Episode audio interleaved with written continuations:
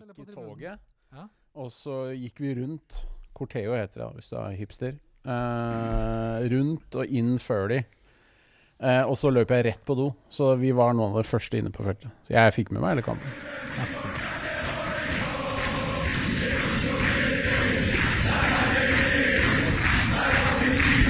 Du hører på Stang ut på overtid, en lydfanzine om Vålerenga fotball. Hei og velkommen til den 19. ordinære episoden av eh, Stang ut på overtid. Eh, forrige gang vi prata sammen, så satt vi på Bohemen. Og det var jævla hyggelig. Da hadde begge de som er med i studio i dag, var der. Eh, Lars, du satt i baren, gjorde du ikke det? Stemmer? Hadde du en fin kveld? Ja, helt grei. Det var, det var ganske lærerikt og interessant, syns jeg. Og Erling, Ja, du satt i panelet. Ja. Jeg drev og lærte ting til Lars, da, Ja. tydeligvis. Ja, og så, ja, og så prata du jo masse og fortalte oss masse interessante ting. Og så sa du etterpå at fader, det var en del ting vi ikke fikk gått så dyden på. Jeg blir gjerne med en gang til, ass. Ja. Men jeg trodde egentlig ikke det skulle gå Det skulle bli neste episode, men det, Nei, men det går eh, greit, det, altså. Jeg trodde egentlig heller ikke det, altså. Eh, jeg tenkte ikke så mye på det. Men så har det jo skjedd så jævlig mye rart i Mm. Vålerenga den siste uka. Jeg hadde jo tenkt nå at vi skulle gå inn i kanskje en litt sånn rolig fase. Prate litt om overgangsvindu. Vi hadde fått inn to nye spillere, det ser jo bra ut og sånn. Og så um, gikk, kom, gikk det jo ikke helt sånn. Vi hadde et 110-årsjubileum. Jeg tenkte jeg skulle være innom. Kanskje det kunne vært morsomt å prate om. Og så gikk jo det i dag. Så så kom Lars med noe ganske eh, Jeg vet ikke om det var ramsalt, men du, du prata noe åpent, i hvert fall i Ap-ropet, hvor du er en av de faste skribentene. Ja, den kritikken min av Vålingas mangel på sportslig identitet, kan du si. Ja, som jo i og for seg traff ganske godt. Og tenkte jeg shit, nå må jeg ha med Lars. Og så klinka du til på Twitter med en, eh, en kjempe, kjempelang, men poengtert og god tråd om liksom hvorfor er supporterne eh, Hvorfor jobber supporterne mot, eller er sinna på SPZ? Mm. Jeg, jeg satt jo egentlig og så litt på For dette skjedde jo i et Dette var vel rett etter at Meran da sa opp jobben sin? Som Jeg tror det var, en, må, ja. må ha vært rett etterpå, ja. For det kom For også inn fra sida da da. eksploderte det jo, og så ser jeg jo både i sosiale medier og også på litt sånn PMs og sånn, at folk liksom annonserer at nå skal det eskalere, ikke sant. Nå skal aksjonen trappes opp, og folk ble veldig sinte. Ja. Og folk knytter det veldig tydelig til Erik Espeseth, da. At Meran ikke ville jobbe der lenger. Eh, og da satt jeg på en måte så Vi har jo sett supporteraksjoner før i forskjellige eh, størrelser og omfang, og, og man veit jo litt hvordan det blir. Og ikke alt som kommer ut er like konstruktivt. Da. Noen er flinke og holder seg til sak, mens andre går rett på person. Og da følte jeg vel egentlig et behov for at det fantes en historie der ute som faktisk handla om helt konkret da, hvorfor jeg personlig mener han er uegna i jobben sin. Og det er vel første gangen jeg har sagt direkte ut også at jeg syns han bør gå. Jeg har liksom sittet på sidelinja og sett på, jeg har ikke sagt så mye om det. Ja, du sa det, I sa det i forrige episode på Bohemen også, men Ja, det kan hende. På eh, Entre Dal-literen eller noe sånt. Men, ja, ja. men, eh, men da men det, men det slo meg også da jeg satte meg ned og bestemte meg for å skrive en tråd, da, at eh, jeg er jo en av ytterst få som faktisk har vært i ganske mange møter med fyren de siste syv åra. Eh, og sånn sett så veit jeg jo litt om hvordan de møtene funker og sånn, som folk flest kanskje ikke veit. Og da tenkte jeg at nå, nå er det på tide at den infoen kommer ut. Fordi Både fordi jeg mener det er, styrker saken, men også fordi eh, det er litt viktig at folk ser at det er ekte kritikk. Og at det ikke bare er 'vi liker ikke trynet på den', og dessuten så er det en hore. Eh, fordi da får du ikke noe traction på På å kalle det kampanjen, da. Og så jo ikke nok med det, men så gikk det et par dager til, og så plutselig så så melder klubben at eh, Kjetil Siem er tilbake i, i quiz nå. Så det, det var liksom ikke, det var ikke småtterier den uka som gikk. Vi, vi skal innom det også etter hvert. Jeg vet ikke helt Det er vel ingen som helt veit hva det kommer til å innebære, men det er jo noe vi kan prøve å gi en eller annen form for uh, Skal vi si vår, Vårt beste Eller noen forskjellige scenarioer, da. Det blir jo gjetning, selvfølgelig, hva det betyr for Vålerenga, men vi de, Denne måneden Altså ikke Nå skjedde det over et månedsskifte, men altså denne, denne sommeren, da. Den kommer vi sikkert til å se tilbake på om fem år. Som enten da alt gikk til helvete, eller da alt begynte å bli bra. Altså, det, det, Ja. det kommer ikke til å være noe status quo etter det her. Jeg føler vi liksom nærmer oss et slags sånn brekkpunkt på en måte Mm. i liksom den der kurven vår, da. Men vi vet ikke om det går opp eller ned. Liksom. Er jeg aner ikke. Det er umulig. Det er, for det er så sinnssvakt mye parallelle eh, greier som går. Og i tillegg så er det jo eh, fotball oppi dette her, da. Det er jo en serie som spilles, og vi gjør det jo historisk ræva der òg. Ja. Um, mens tribunen egentlig vokser og vokser og gjør det veldig bra. Så det er heller ikke helt greit å forklare. Det må vel også prøve å si noe vettugt om, eller? Etter hvert. ja. Kan gjøre et forsøk, i hvert fall. uh, men uh, mens vi snakker om det uh, Vi fikk noen anekdoter her innledningsvis. Kan vi kanskje begynne der, som er litt sånn enkelt og greit, og si Vi vant mot Godset i helga. Plutselig så var det, så var det liksom Gikk det litt vår vei. Vi spilte ganske bra. Jeg har jo til det kjedsommelige sagt at jeg ikke skal prate så mye om sport, men nå føler jeg faktisk litt behov for å si at det var jævlig deilig. Det var sjukt deilig. Uh, helt enormt. Det var egentlig helt fullt fortjent også. Altså, så mange matcher som de har eh, stått og sovet på slutten, eller en sånn feilplassert keeper på et frispark, eller om det er noen som bare glipper i markeringa på overtid. Eller, altså, det, er, det er så mye sånn drit som har skjedd, da, men nå var det liksom ikke tvil. da. Um, det er noen ganger i kampen hvor de blir litt passive, men da er de likevel såpass bra alert inne i boksen at de header unna og blokkerer skudd og liksom Det er aldri den der to meter unna, og så står man og ser på at de andre vinner ballen, Ja, liksom. det, det begynte jo så 2023 som det kunne gjøre omtrent. Ja, det gjorde gjorde vi, vi bytter, bytte, keeper. Nå har vi hatt tillit til liksom de unge keeperne Mm. våre lenge. Alle er enige om at eh, de, ja, de har liksom kommet på samlebånd og gjort en fantastisk jobb. Uh, og så nye treneren skal inn og liksom bytte litt. Bytte keeper. Og jaggu så tar det, var det åtte minutter før han spiller ballen rett i beina på en av de mest eh, målfarlige spillerne i Eliteserien, og det gikk jo som det måtte. Da tenkte jeg at nå Men det føltes litt annerledes allikevel, syns jeg. For du så det liksom på holdninga til spillere og sånn, at det, det var liksom ikke noe resignasjon eller Men tror du ikke det handler litt om nettopp det keeperbyttet? Altså Hvis han gjør den tabben, og så ser han hele laget liksom bare Åh, Mm. skjønner du? Da svikter de han, da. Ikke sant? Eh, dette er hans første match utenom cupen, ikke sant? Ja. Noensinne, eller på veldig lenge?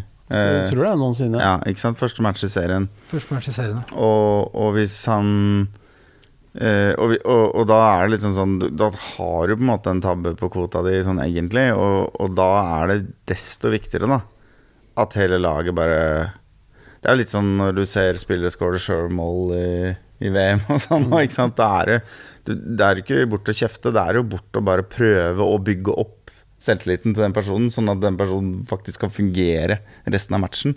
Og, og sånn tenker jeg det er her nå. Her bare Fuck it, dette må vi bare Her må vi løfte oss, her må vi sprudle, her må vi ta et tak. Fordi hvis ikke, så, så kommer den ene situasjonen her til å prege han. Du var jo kampen. borte, borte etter det skjedde og greier òg. Og Mm. så etter, i andre omgang, da, når han, han spiller jo rett, regelrett igjennom uh, Ofker, ja. Ofkir der. Uh, grusomt forsvarsspill av godset, men Ja. takk for det, liksom. Men når de går på den missen der, så er det så jævlig deilig at uh, vi er nådeløse, da. Mm. Og setter den. Og så er jo Strandberg rett bort til, til han derre. Storvik. Storvik. Eh, og liksom Nå har vi har utligna dette. Og, ja. Mm. Så det er eh, Det var litt deilig. For, og, og, eh, du var der nede, sant? Ja. Eh, Fikk du vært der, eller? Nei, jeg satt på en bil, baksetet på en bil på vei hjem fra en barnebursdag, og så det på mobil. Jeg satt i bilen jeg og kjørte gjennom Østerdalen eh, som en gris, men rakk ikke, rakk ikke ned. Og det syns jeg også var litt rart, for alle jeg har i alle chatter og alle retninger, så bare Lars jeg veit som faktisk var der. Det er litt rart, for jeg var ikke aleine der. Nei, for det var jo utsolgt. Det var masse folk.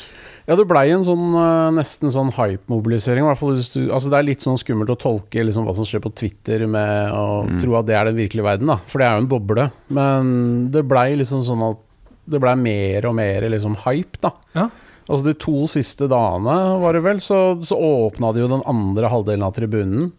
Og så bare fortsatte det å ramle ut billetter, og så var det faen meg utsolgt på slutten. Så det, hele den kortsida var jo Og det er tre ganger så mange som vi var der i fjor, nesten. Det er ganske sensasjonelt Ja, det bra. var Altså. 11, litt i underkant av 1100. Men det må ha vært flere enn meg som satt med en følelse av at det, det kommer til å løsne snart. Eh, jeg så Etter Godsekampen så så jeg de to siste episodene av Ære være, som da på en måte er opp til og med tapet mot uh, ikke sant, Sandefjord og Odd. Mm. Og eh, når jeg så det om igjen, da, da klipper jo de ganske kjapt høydepunktene og sånn, så ser jo et lag som på en måte egentlig har nok sjanser til å vinne begge kampene. Mm. Med ganske er god margin òg. Skyter jo utafor på, på femmeter, og det er liksom Det er ganske mye sånn. Eh, og så er det de hel, det at vi er så utrolig shaky bakover, så på en måte har kosta oss veldig, veldig mange poeng i det siste. Men det er jo ikke sånn at det er et fryktelig, fryktelig dårlig lag der ute. Men de har noen, de har noen utrolig store svakheter.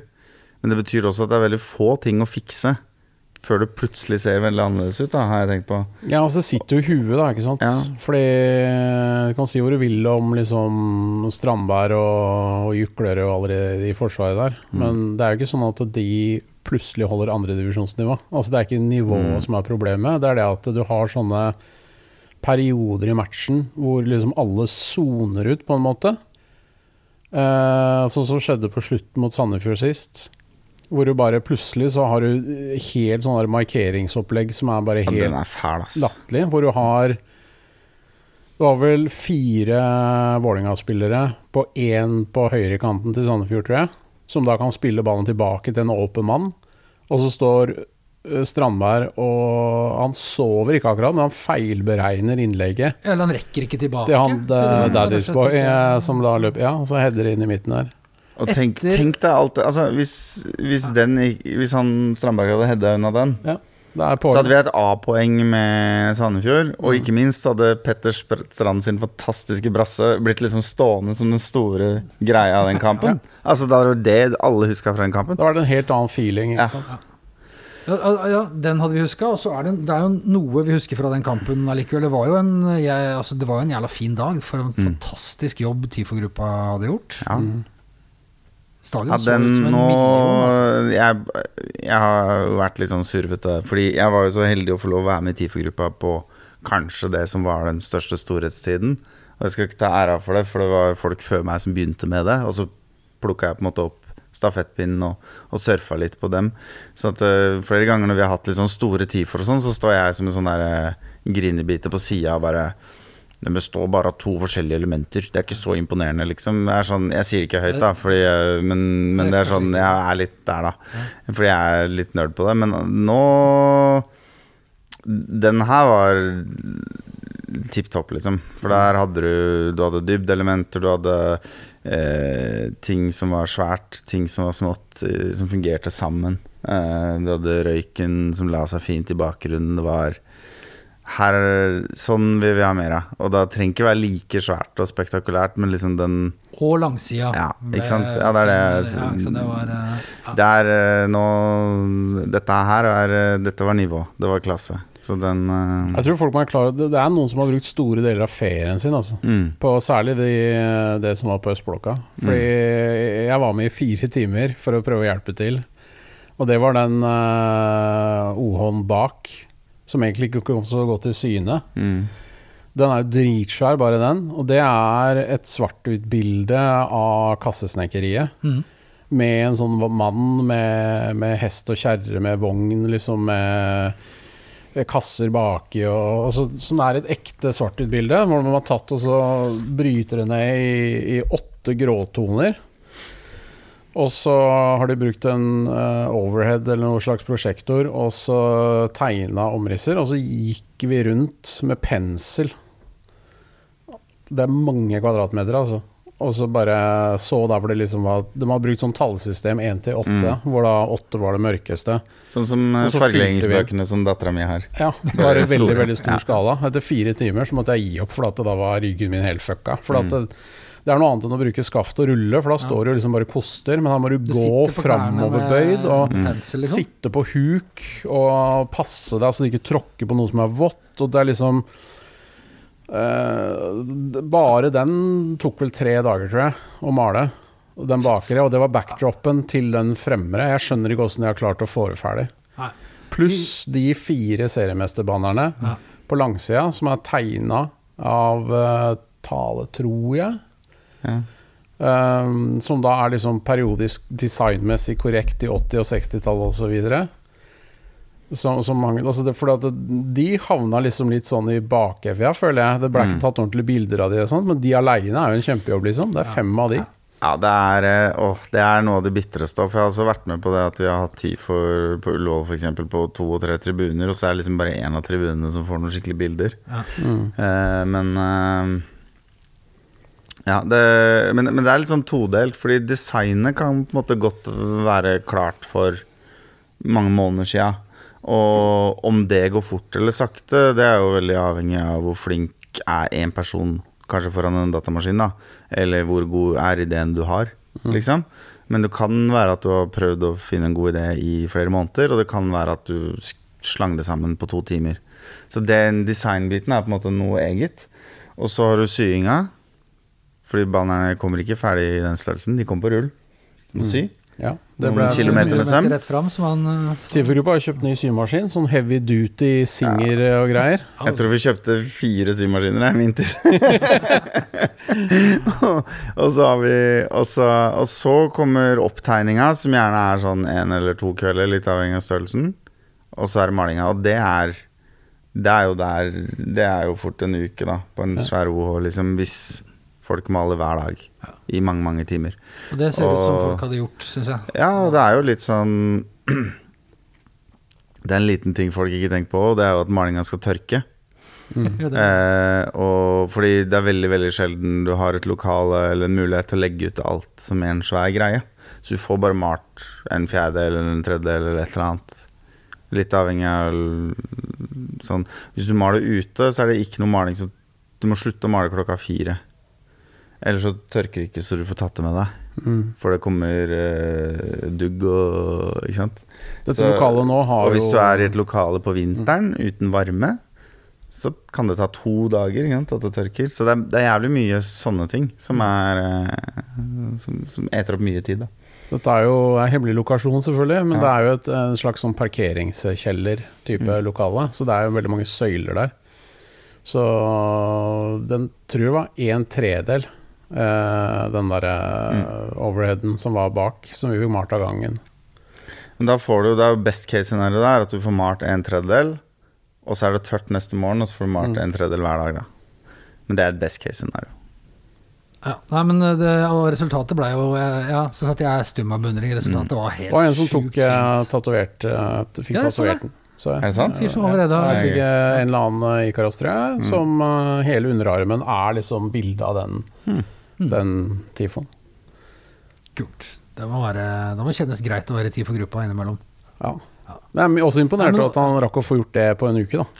ja, det er faktisk Ja, Det er litt jobb å- Vi sitter ikke, liksom liksom, tatt sitter over det. ikke med beina på bordet og, og tenker gjennom neste trekk, vi nå. Mm. Det er, øh, men ja, og kampen gikk jo som den gjorde, som dere har snakka om. Og da var jo etter det du var ute med den derre 'hva er planen, Vålerenga'? For da var jo Eller før, før eh, Ja, Strandberg etter Sand, jo- Sandefjord, før Ja. Godset, ja.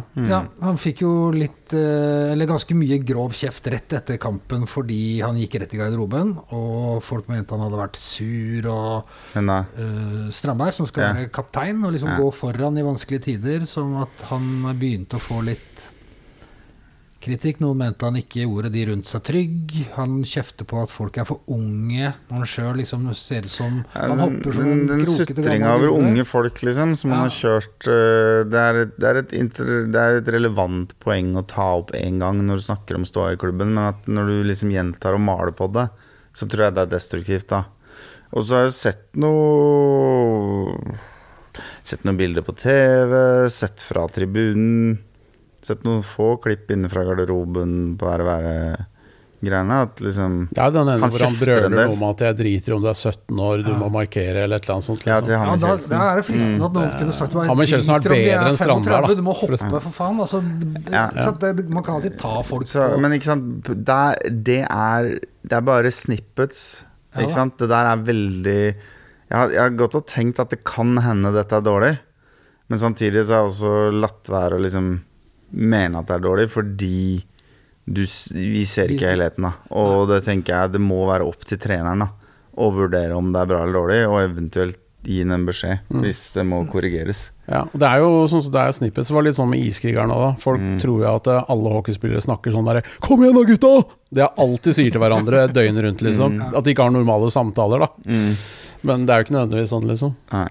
Men Nei, det- så det var jo- litt av kjernen ja. i den kritikken min. Ja. At fordi Vålerenga sier at uh, skal vi satse på unge spillere, så hyrer vi Fagermo fordi han har liksom track record på å utvikle unge spillere og sånn. Ok.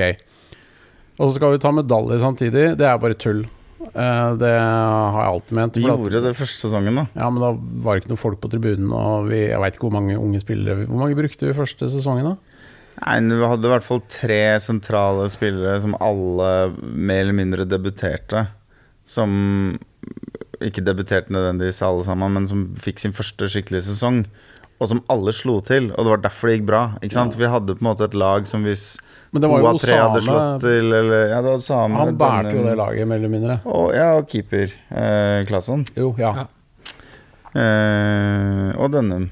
Breaka Ja, vel den sesongen. faktisk. Ikke sant? Men Dønnum var jo Han var et år eller to eldre, var han ikke det? Jo, jo, men poenget mitt er at det var, var på en måte en upolert eh, fyr Ja. som vi hadde hatt noen stund, og som var så dårlig at vi sendte til HamKam. Mot hans vilje, helt åpenbart, hvis du setter legendariske signeringsfotoet på utlandet hans. Men jeg tror vi kan konkludere nå da med at den covid-medaljen er et lite blaff. Ja, Eh, og at kanskje i det store og det hele, hvis det er opplest og vedtatt at Vålerenga skal være si topp fire da, og kjempe om Europa og sånn hvert år, mm. Det er ikke forenlig med å ha et så ungt lag. Og så, når ting begynner å gå dårlig, så sier Fagermo ah, ja, for mange unge spillere må få inn må ringe Trøim for 40 millioner til å kjøpe masse dyre, erfarne spillere. Og så står Strandberg der allerede i januar og sier at "Nei, dette laget er altfor ungt, det, er for, det, går ikke, det går ikke bra og sånn. Så for meg så blir det en sånn derre Jo, men det er jo det som er den uttalte strategien til klubben, og da kan ikke kapteinen stå der og forskuttere at dette kommer til å gå dårlig. Og så når det går dårlig, så begynner hovedtrener å skylde på de unge spillerne, som faktisk ikke har gjort det så dårlig, egentlig. Mange av de. Det, er, altså, det, er Jeg syns mange av dem har vært veldig gode til å være altså, altså, kan det, det kan hende at det er noe mentalt her som ikke vi ser, at de liksom kanskje svikter Altså et eller Det, er, sånt. det, er no, det er en ting her, og det er nok at den Jeg, jeg har en ganske sikker følelse på at eh, det Når da Dag Eilif Fagermo gikk ut og klagde over at laget var for ungt, så var det egentlig en beskjed til Trøy. Ikke til spillerne. Ja, Og så gjorde han det ikke smart, eh, og det ser rart ut fra utsida, men jeg har skjønt det sånn at uh, i utgangspunktet så skulle han ha et lag sånn som i uh, 2020, ikke sant, i covid-sesongen, eh, hvor det på en måte er en stamme av erfarne spillere, og så er det og så er det noen, øh, noen unge, og så skal vi alltid få ned og fram en to-tre nye unge hvert eneste år. Det er på en måte en strategi hvor du satser på unge, men hvor du også kan heve deg, eller hvor du vil heve deg kanskje hver tredje sesong, da, eller noe, ikke sant? de gangene det virkelig treffer. Det Og, men det som skjedde nå, var at han ble pressa ganske hardt, så vidt jeg har skjønt, på at laget må bli yngre. Det må bli yngre, det må bli yngre, det må bli yngre. Det må bli yngre For da blir det mer slutt- verdt, så du kan selge spillere. Yes.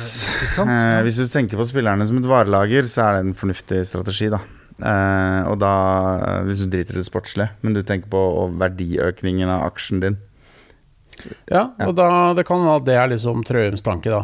At eh, han ville ha opp verdien på spillerstallen for å kunne selge spillet. Det kan også da styret da mente det. Eller kanskje han bare syns det er kult å ha det yngste laget i Eliteserien. Det vet vi ikke. ikke? Motivasjonen vet vi ikke, men, men jeg er ganske sikker på at det, at det, det blei Når man da spiller med det yngste laget i Eliteserien, og så får du beskjed om at det er for dårlig, må ha ned snittalderen et år til, liksom. Men da, Da- har du jo problemet ja. med investormodellen, da. Ja. En av de. At uh, klubben kan, har er liksom Klubben skal svare til ønskene til investor, da, i stedet for å ha et sportslig DNA. Altså tenk sånn som når Altså Hvis du spør noen som, som har litt innsikt i norsk fotball Bare, du skal få lov å fullføre, men det er derfor jeg mener den delen av kritikken din som går på at det er ikke en, en helhetlig identitet som skal gjennomføres fra A til Å, fra topp til bånn. ja. Det er den som er kjernen her. Det er den som er det viktigste. Kanskje vi skal eh, la de som Ja. ikke har lest Apropet Aperopet eller Ja. Dagsavisen, for det er vel noen av de også, få høre hva egentlig Fordi det du skrev, var at uh, vi har ikke egentlig et sportslig DNA. Vi, har ikke et altså vi snakker om Prosjekt Martin, Prosjekt Deila, Ja. Prosjekt Rekdal, Prosjekt Fagermo. Men det er ikke Prosjekt Vålerenga. Nei, og for så altså- ansetter du en trener som passer til det. Det er noe som egentlig også har provosert meg tidligere, Ja. for jeg har egentlig ikke tenkt så dypt på det tidligere. Men det er det derre og blir sånn, Det høres som sånn der, det høres litt teit ut i media. Men jeg tror grunnen til at media beskriver det sånn, er fordi at det er ikke noe prosjekt Vålerenga. For vi har ikke noe sportslig identitet og kultur, eller noe sånn der eh, institusjonell sportslig virkemåte. Sånn som for eksempel altså ta alle som har innsikt i norsk fotball, kan spørre hvem som hva slags fotball spiller Lillestrøm. Ok, den spiller hardt, og det er mye dødballer, ikke sant? Og det kan godt hende at de har forskjellige formasjoner, altså det er ikke det jeg tenker på. Du, du kan spille 4-3-3 eller 3-5-2 eller whatever, men fortsatt satse på dødballer. Store, sterke spillere som er kjipe. Eh, Begrensa teknisk, ikke sant. Alt dette er sånn. Noen ganger så er det myter, men det er på en måte fortsatt en kjerne av sannhet i det. Ja, det er jo det. Ja. Og så kanskje noen år så avviker de litt fra det, for de prøver å utvikle seg vekk fra det og sånn. Men til syvende og sist så er det på en måte Altså, når du ansetter en trener Altså, det er ikke tilfeldig at Lillestrøm hyrer Geir Bakke, da. Og det er ikke bare fordi at han var en attraktiv trener, det er fordi at han er en sånn pragmatiker som antageligvis passer jævlig fint inn i den filosofien. Eh, og det funka jo jævlig bra. Han uh, rykka opp med de, og tok medalje, og fikk det ut i Europa. Uh, mens vi kaver. Uh, og det, en annen ting er at hvis du skal ha opp unge spillere hvert eneste år, så kan du ikke drive og bytte om på sånne trenerprosjekter. For det må funke over lang tid. Og så må du ha et akademi som er gjennomsyra Det er det jeg mener med institusjonell. At eh, det må liksom være ensretta. Den filosofien og grunntanken og måten Vålinga skal spille fotball på, må være i akademiet i alle laga nedover.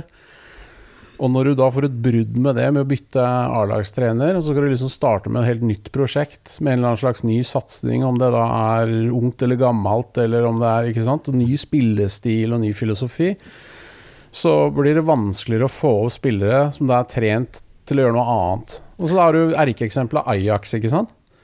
De har samme ideologi helt siden 70-tallet i hele systemet sitt, og de trener alle barna. Og de velger ut barn tidlig som vil passe inn i det systemet. Og det, det smitta altså Det tok jo Krauf med seg til, Aya, nei, til Barcelona, og nå gjorde de det på samme måte. Og Det er derfor de har det akademiet de har. Fordi at de, de vet det, at eh, hvis du velger ut på en måte typer, og så dyrker du de typene i de rollene de er tiltenkt når de blir eldre, Martin Andresen dro til Barcelona og ble inspirert, og forsøkte å gjøre det samme. Da. Det skal Mm. jo sies. Altså, han prøvde jo å gå til hele eh, akademidelen av Vålerenga og si nå, nå er det sånn vi spiller, og så skal dere gjøre det samme. Problemet vårt var at eh, når vi da ikke lykkes mer enn vi gjorde, i blaff, liksom, Mm. så, så mister eh, organisasjonen Vålerenga selvtilliten på det. Mm. Og så prøver de da Så tenker de dette er for dårlig, dette er ikke Vålerenga verdig, og så prøver de å røske opp i det. Jeg syns Martin det har fått et eh, ufortjent dårlig ettermæle.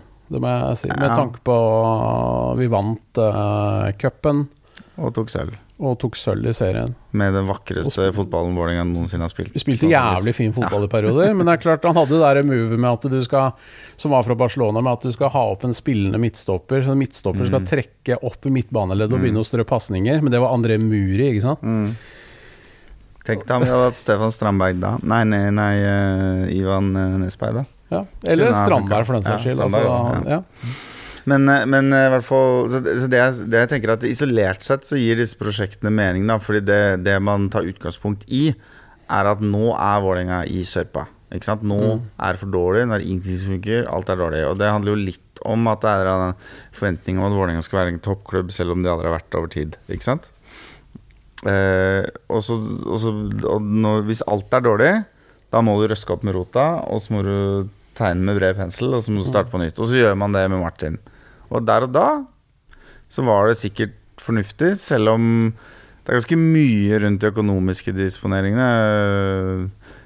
Vi Måtte vi kjøpe Doffen, liksom? Altså Kunne vi ikke bare finne en annen som var litt dårligere enn Doffen, så hadde vi sikkert fått omtrent det samme. Mm. Eh, Lars Iver Strand. altså, men vi brukte jævlig mye penger på jævlig mye rør. Eh, men bortsett fra det, så var det på en måte en kongstanke. Og så, når Martin da stikker, så blir det definert som en fiasko. Ikke sant? Istedenfor at det blir definert som at uh, vi er inne på noe her, men det gikk ikke så fort som vi håpa, eller vi, vi, uh, vi må bare jobbe, stå i det litt til, eller noe sånt. Og så snur man opp ned på alt igjen. Og så, og så kjører man økonomien i grøfta. Og da blir motivasjonen for å snu opp ned på alt blir ikke det sportslige, men økonomien. Men høres ikke det veldig ut som eh, 2023? Eh, jo, jo. Og nå står vi der igjen, da. Ikke sant? Og det er ikke akkurat det vi holder på med nå? Det eneste vi har på en måte fått ut av de siste tre åra, det er en bronsemedalje og bedre treningsfasiliteter. Og det, det har jeg sagt før, men det må man gi Dag Eilif honnør på. Han insisterte på at deler av budsjettet skulle gå til å bedre treningsfasilitetene. Og det, grunnen til at jeg liker det, det betyr at når han stikker, så er det noe igjen her som ikke blir borte. Og som gir nestemann bedre forutsetninger for å lykkes. Mm. Det er fett. Det er veldig bra. Og så Ja, men jeg syns det var veldig interessant, for det der du nevner med Martin For da var det liksom han, Altså Du kan si mye om ham, men han prøvde jo da å faktisk implementere en sånn gjennomgående ideologi Mm. i hele greia her. Så det klubben da burde gjort, er at eh, de burde sett hvilke andre trenere er som, som han, som deler hans måte å se på fotball på. Da tenker jeg igjen ikke på sånne formasjoner og sånne ting, men hele den derre kulturbiten og liksom hvordan dette her skal innarbeides og bankes inn nedover i systemet. Og da kan det hende at det er vanskelig å finne en sånn fyr. Men jeg, jeg tror at hvis vi hadde fortsatt på det sporet, så kunne det leda til veldig gode ting. da. Tror du det at vi har nå gjort eh, sportssjefen til faktisk sportssjef, er et rikt, skritt i riktig retning? Jeg er usikker på hvor mye det har å si, da, for jeg tror jo styrkene til Joakim Jønsson ligger i den oversikten han har. Ja. På liksom talenter og Og at han faktisk skal se en spiller, da, og se om han er bra. Eh, sånn at han er jo da en faglig sjef, som du vil kalle det. Ikke sant? Eh, og ikke på strateginivå, men ned på pirkenivå. Og det er kult, det, for vi har gjort mye, mye bomkjøp uh, de siste ti åra. Så kanskje litt ålreit at vi kan Det er lov å håpe at vi slutter litt med det. Uh, men uh, jeg veit ikke om det egentlig, sånn som Vålerenga ser ut i dag, påvirker hvordan vi tenker helhetlig og strukturelt og organisasjonsmessig på sport. Ass. Det er også litt sånn altså, Jeg har litt sånn følelse at nesten jo dyrere spillere vi kjøper, jo høyere er risikoen, eller større sannsynligheten for at det, på en måte blir flopp. da. Det er også Mm. veldig lett å glemme billige spillere som ikke slår gjennom, selvfølgelig. Men tenk alle de spillerne som vi, som vi plukka på klubbens budsjett uten sponsorpenger, og som, som vi solgte videre for mye. altså Sander Berge, Dønnum, I uke. Juke Altså det er så mange, da. Eh, Odin nå. Mm. Altså, og han fikk jo ikke være den spilleren han kan, kunne vært, tror jeg heller, for han passa ikke helt inn i Fagermo-systemet, tror jeg. Det var derfor de drev og prøvde den på forskjellige posisjoner og sånn. Man gikk for 30 mil likevel, da. Og debuterte for Celtic i Ja. helga. Ja. Så og det, du har mange sånne spillere bakover som, som har vært Så jeg, jeg tror kanskje egentlig ikke at Vålinga er så legendarisk ræva på å scoute og finne talenter som, som mange skal ha det til. Selv om det er en del Oslo-spillere som handler andre steder. For at eh, vi kan ikke ha 100 mann i stallen, liksom. Nei, nei, det har vært teit. Men Nå, ikke til deg, Lars. Nei. Altså, når folk trekker opp den der Ja, men han der, da? Han er jo født på Kjelsås. Hvorfor er han i Hønefoss? For vi kan ikke ha en Men stall men samtidig så skjønner jeg at Castro står der og nærmest hytter med neven til klubblogoen vår. Fordi han føler seg oversett og er sikkert bitter og alt det der. der Men han, Men han har tatt en omvei. Han var ikke Ja. god nok for Vålerenga da han var her. Så handler det litt om hvem andre som er god i den plassen du spiller på også. Hvis det er Ja, ja. liksom uheldigvis for deg tre venstrevinger Det mest er legendariske er jo de som klikka så- når Ragnar Klavan gikk til Liverpool i en alder av 29. Fordi han var så dårlig! Ja, men han var jo, han, han var jo her bare for litt sånn der eh, squad depth. Eh, For han var jo venstreback, og så hadde vi jo Tom Henning Håvi, som var kaptein på venstreback. Så han, han var jo her for å Nesten som en sånn tjeneste, Han spilte mot vennetjeneste. Han Esbjerg skulle få Royal League, gjorde han ikke det? Ja, han kom jo fra Flora Tallinn, og så fikk han på en måte kjenne hvordan det var å være utenlandsproff fra Estland, da, som tross alt er en veldig veldig liten fotballnasjon. Så det var liksom sånn der eh, Så han var på lån, da. Men det er da skandale, da. Han Nei, spilte det jo var da fem år i Excelsior Jævlig morsom fun fact. At han fyren der dukker opp i Liverpool. Altså, Jeg så jo ikke den komme. Nei, så, Nei, den. Men det er, og det er noe med det, bare for å si det Da Prosjekt Martin var over, så satt jeg også en følelse at eh, Eller sidegeisten var liksom at det var en fiasko, da. Der og da. Sånn at eh, Jeg vil bare understreke at jeg er ikke sikker på om jeg hadde gjort en bedre beslutning enn de som satt der og tok den beslutninga der og da. Altså sånn Det er jævla lett å være etterpåklok, da. ja, ja, men det er nå tross alt Eh, eh, og noen ganger er det litt er man kanskje litt usikker. Kanskje jeg ville gjort det annerledes. I tilfelle Ragnar Klavan er jeg bombesikker på at jeg ville gjort nøyaktig det samme som det sportslig ledelse i Vålerenga gjorde.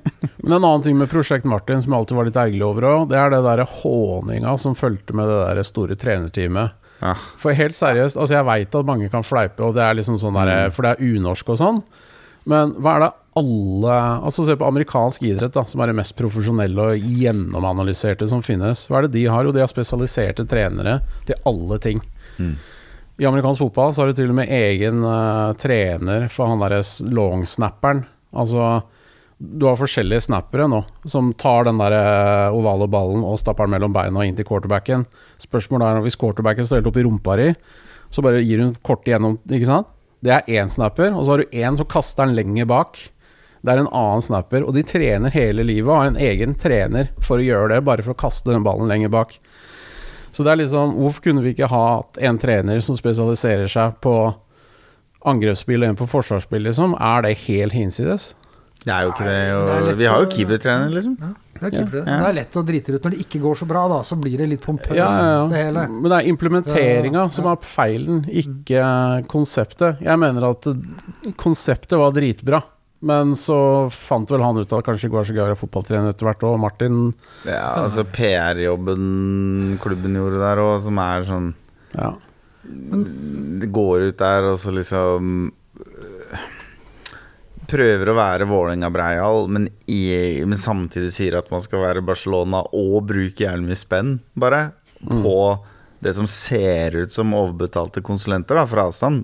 Ja. For det gjorde de jo i starten, ikke sant? Ja. Eh, Det er en jævlig Det står til stryk i kommunikasjon, gjør ikke det? Lars? Altså I Norge det er, det er veldig unorsk måte å stå fram på, da, for å si det sånn. Man kunne jo gjort det litt mer sånn stille. Man kunne sagt nå, skal Martin, nå er Martin her. Han skal bygge opp et team med liksom spesialister rundt seg. Her er de to første, og så går det en uke. Her er en til. Og så liksom Da ville du sannsynligvis fått en helt annen omtale i media. For det var jo den og- svære gruppefoto ikke sant? med alle de folka. Og da, var jo, da hadde de jo tatt med hvermannsen og bikkja. Fystrener. Det har de, for alle har en fystrener. Men det var liksom alle var der, da, så det var liksom sånn Det så Jeg har ofte så tenkt på i etterkant òg vi har, vi har sannsynligvis hatt like mange trenere Eller like Ja, mange folk rundt laget i ettertid, uten at noen har lagd en big deal ut av det. Nei. Mulig. Ja. Jeg tror ikke det er noe sånn veldig Men nå har vi, nå har vi prata mye om både spillelogistikk og trenere som kommer og går og sånn. Eh, skal vi da kjapt uh, si noe om de to spillerne som har kommet inn i dette overgangsvinduet, eller? Martin Kreutzrigler, han veit jeg nesten ikke nå, Veldig fint navn. mm. Kjenner du noe til han, du som er eh, Nei. Han har spilt i Norge før, han Han ikke det? Spilte i Sandefjord, og så Ja. er han midtstopper fra Østerrike. Det er det jeg vet. Spilte han da under Geir Bakke?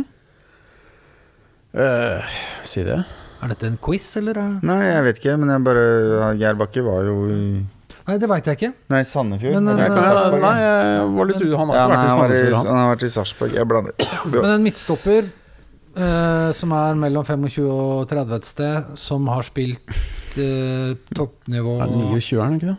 ja, i flere land, det høres ut som et ganske noe, noe vi kan få bruk for. Spilte i Pols toppliga nå sist. Sier at uh, han kan spille i den bakre treeren. At han er på en måte vant til å gjøre det fra før. Mm. Var god venstrefot, var det ikke det de sa? Jo. At det var viktig. Jeg har ikke Jeg svarte jo på dette i fylla på Bohemen og sa at eh, Jeg bare sukka litt da jeg så det og tenkte ja, ja, vi får vente på neste signering, liksom. Men igjen, det Og gjorde jeg jo på Petter Strand nå, på en måte. Så- altså, Så kom neste signering, da. Ja. Han må vi jo kunne si noe litt mer eh, Litt mer vettugt om. I hvert fall etter den matchen mot uh, Godset her nå. For han var jo på en måte det Odin aldri blei, føler jeg.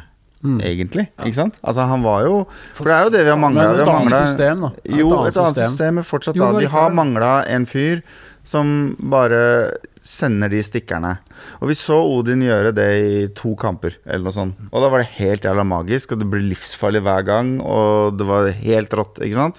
Og så kommer det en ny fyr nå, og han bare fra første matchen så bare så, så gjør han jo det, ikke sant. Er, han skaper farligheter, han vennespill, han Spiller gjennom et par ledd med én Ikke sant? Lø- løse- pl- Første målet. Hvor, hvor mange ganger har ikke jeg stått og sett at liksom Sidiata er mellom to midtstoppere som har over ti meter avstand mellom seg? Mm.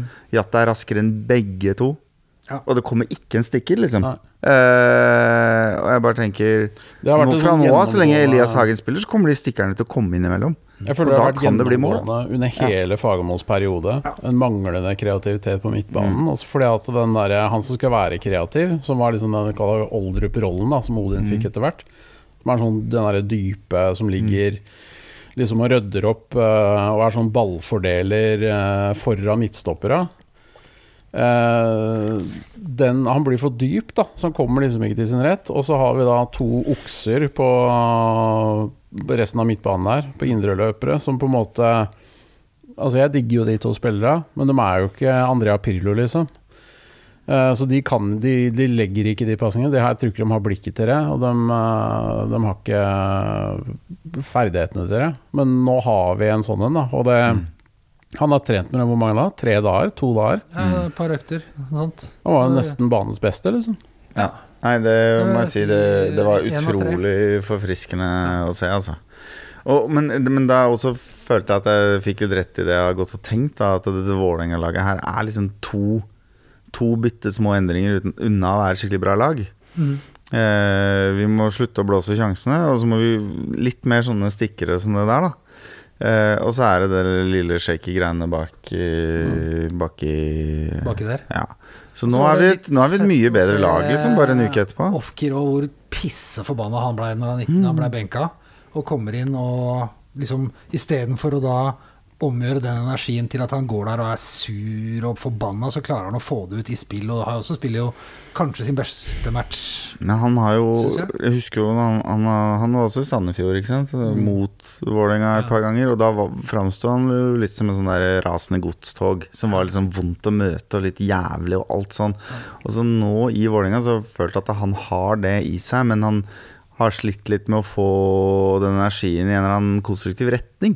Det bare blir jævlig mye løping og jævlig mye inch og jævlig mye energi. Men det har liksom ikke blitt brukt til noe fornuftig. Mens nå var det jo jævla effektivt.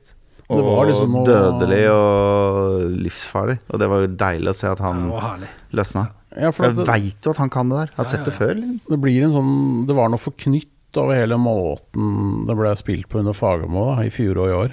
Mm. Så det er akkurat som at eh, nå bare er det liksom mer eh, frihet, da.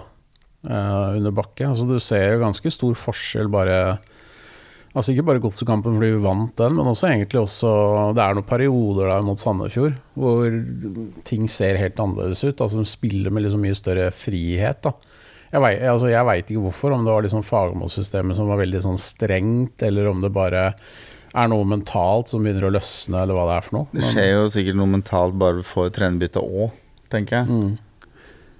Altså, Noe har skjedd, i hvert Ja. fall. Og vi likte det vi så sist.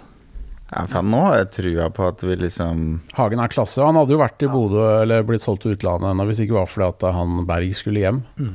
Eh, fordi han liksom er bys barne og er Berg, heter Berg, liksom. Så hadde de, de dumpa jo Elias Hagen pga. det. Ja.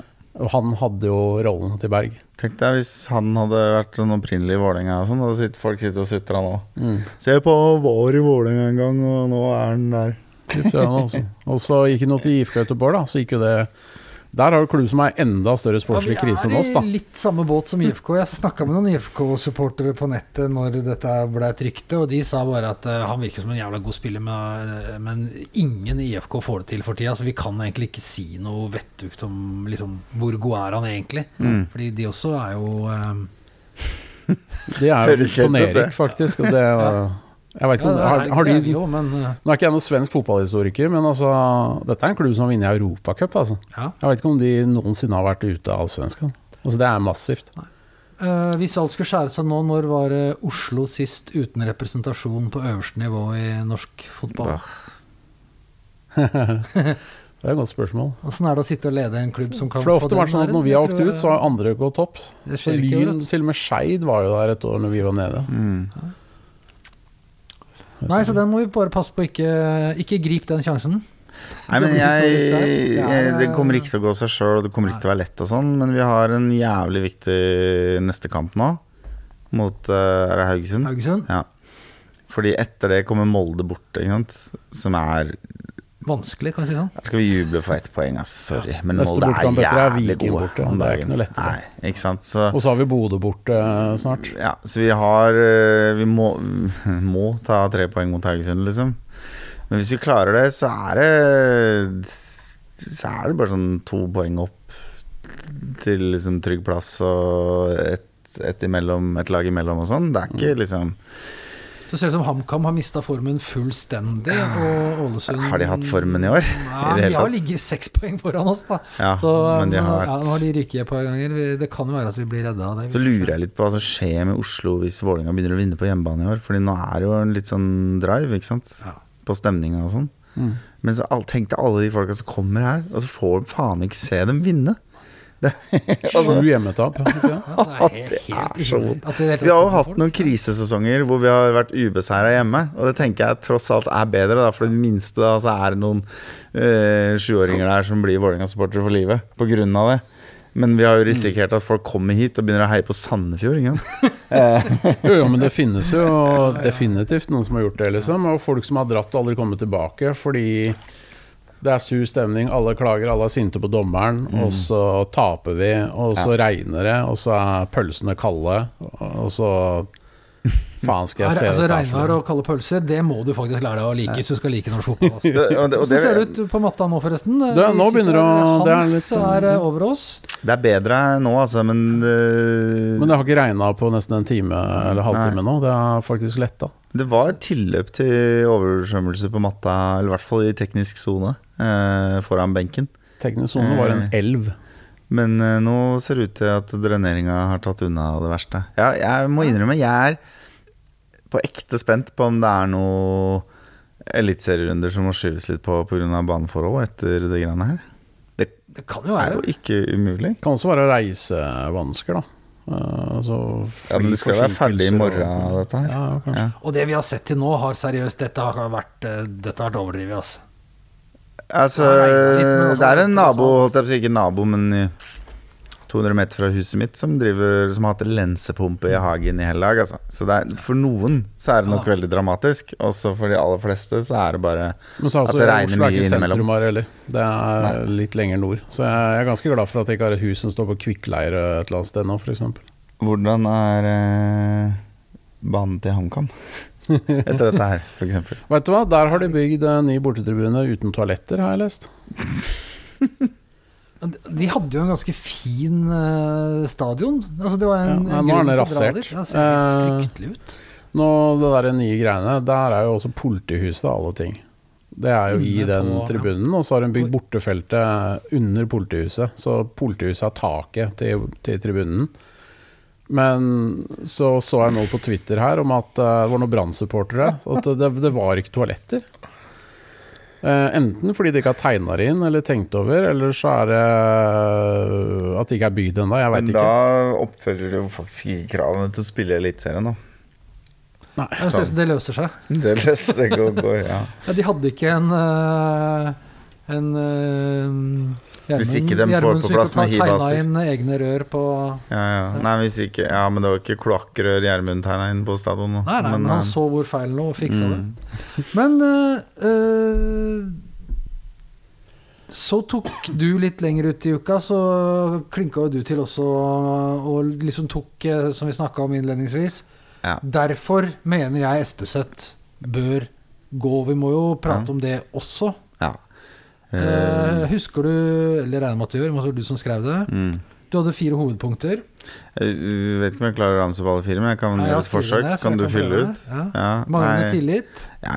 Ja, og tilliten den går jo på det at du sitter og prater med folk i møter som later som de gir deg inside info, Mm. og så gjør de ikke det. Eh, I noen tilfeller også bare avviser ting du veit. Ikke sant? Og, det, og da betyr jo det at eh, ok, vi skal ha en dialog, vi skal samarbeide, men eh, etter liksom å ha forsøkt å Hei, du kan stole på oss, liksom. Du kan si ting som er helt hemmelige, og du, det lekkes ingen steder. Nå snakker du om kommunikasjonen til Ja, supporterne. altså, nei, altså til kommunikasjonen med meg og en annen i klanstyret, Ja. og han, i et lukka rom. tre personer. Ja, fire. Ja. Thomas Bårdskjeng og etter hvert Tuva. Mm. Ikke sant? Altså styreleder i klubben.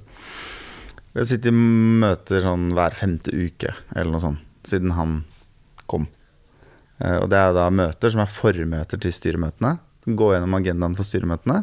Sånn at klanens talspersoner og styret generelt skal være litt sånn informert om hvordan ståa er. Det er veldig mye lettere å si noe konstruktivt i media hvis du veit hvor det egentlig brenner på dass.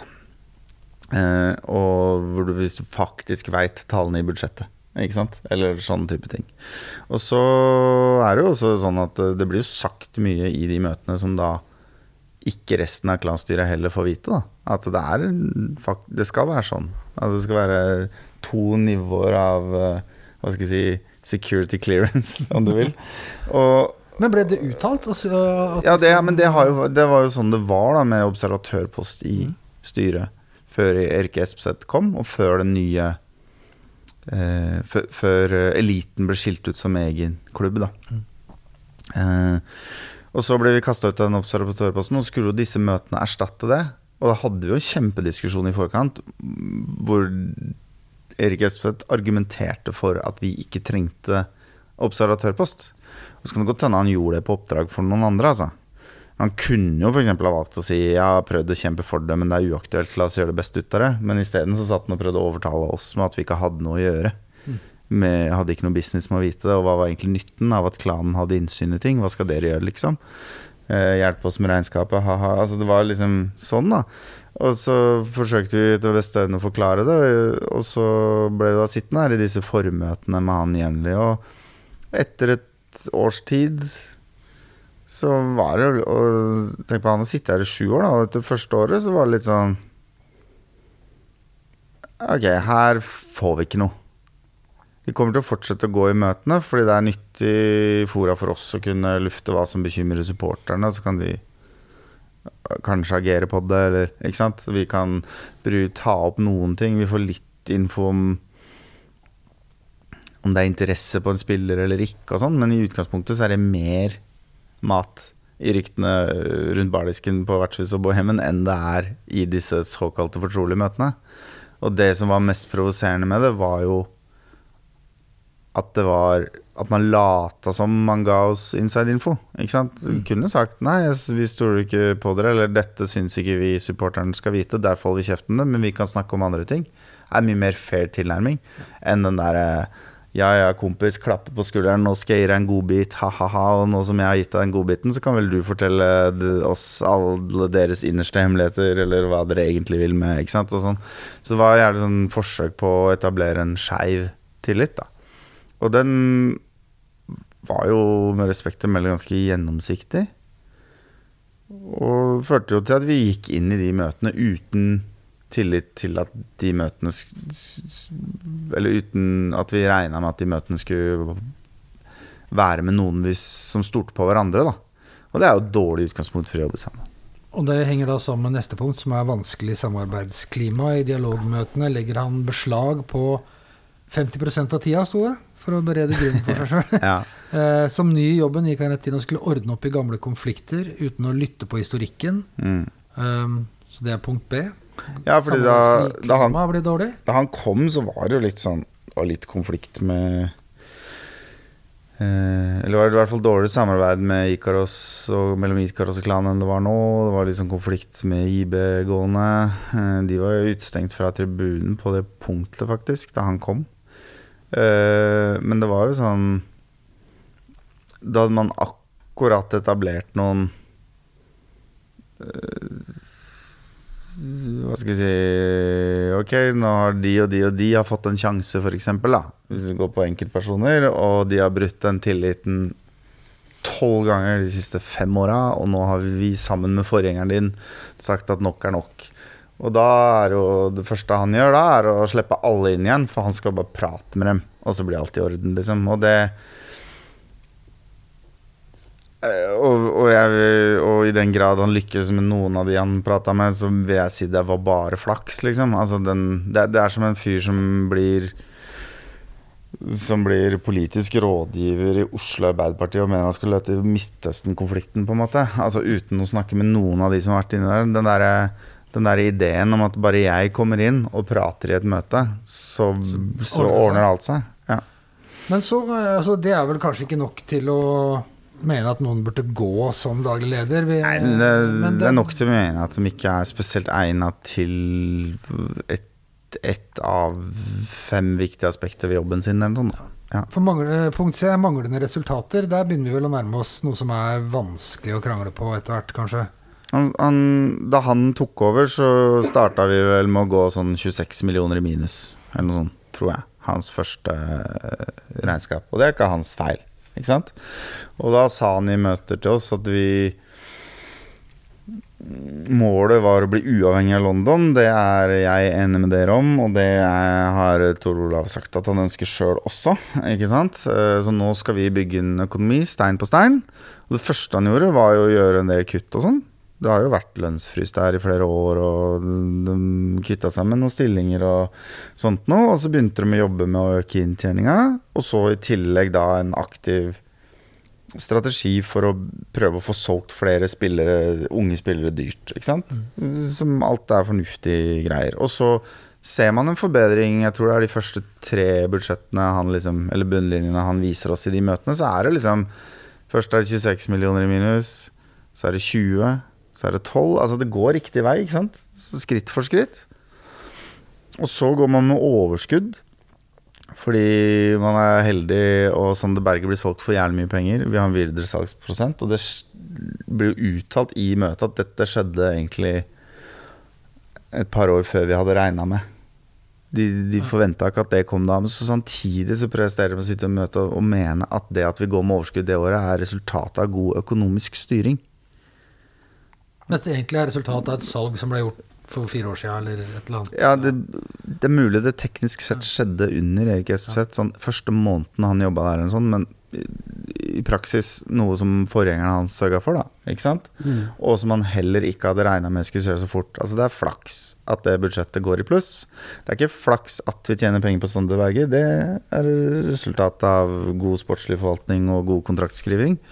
Men at det skjer akkurat da, er flaks. Og uten han så hadde det gått mange millioner i minus, og det var vanskelig å få ut av han hvor mye vi hadde gått i minus dersom Sandeberg ikke hadde vært inne i bildet. Ikke sant?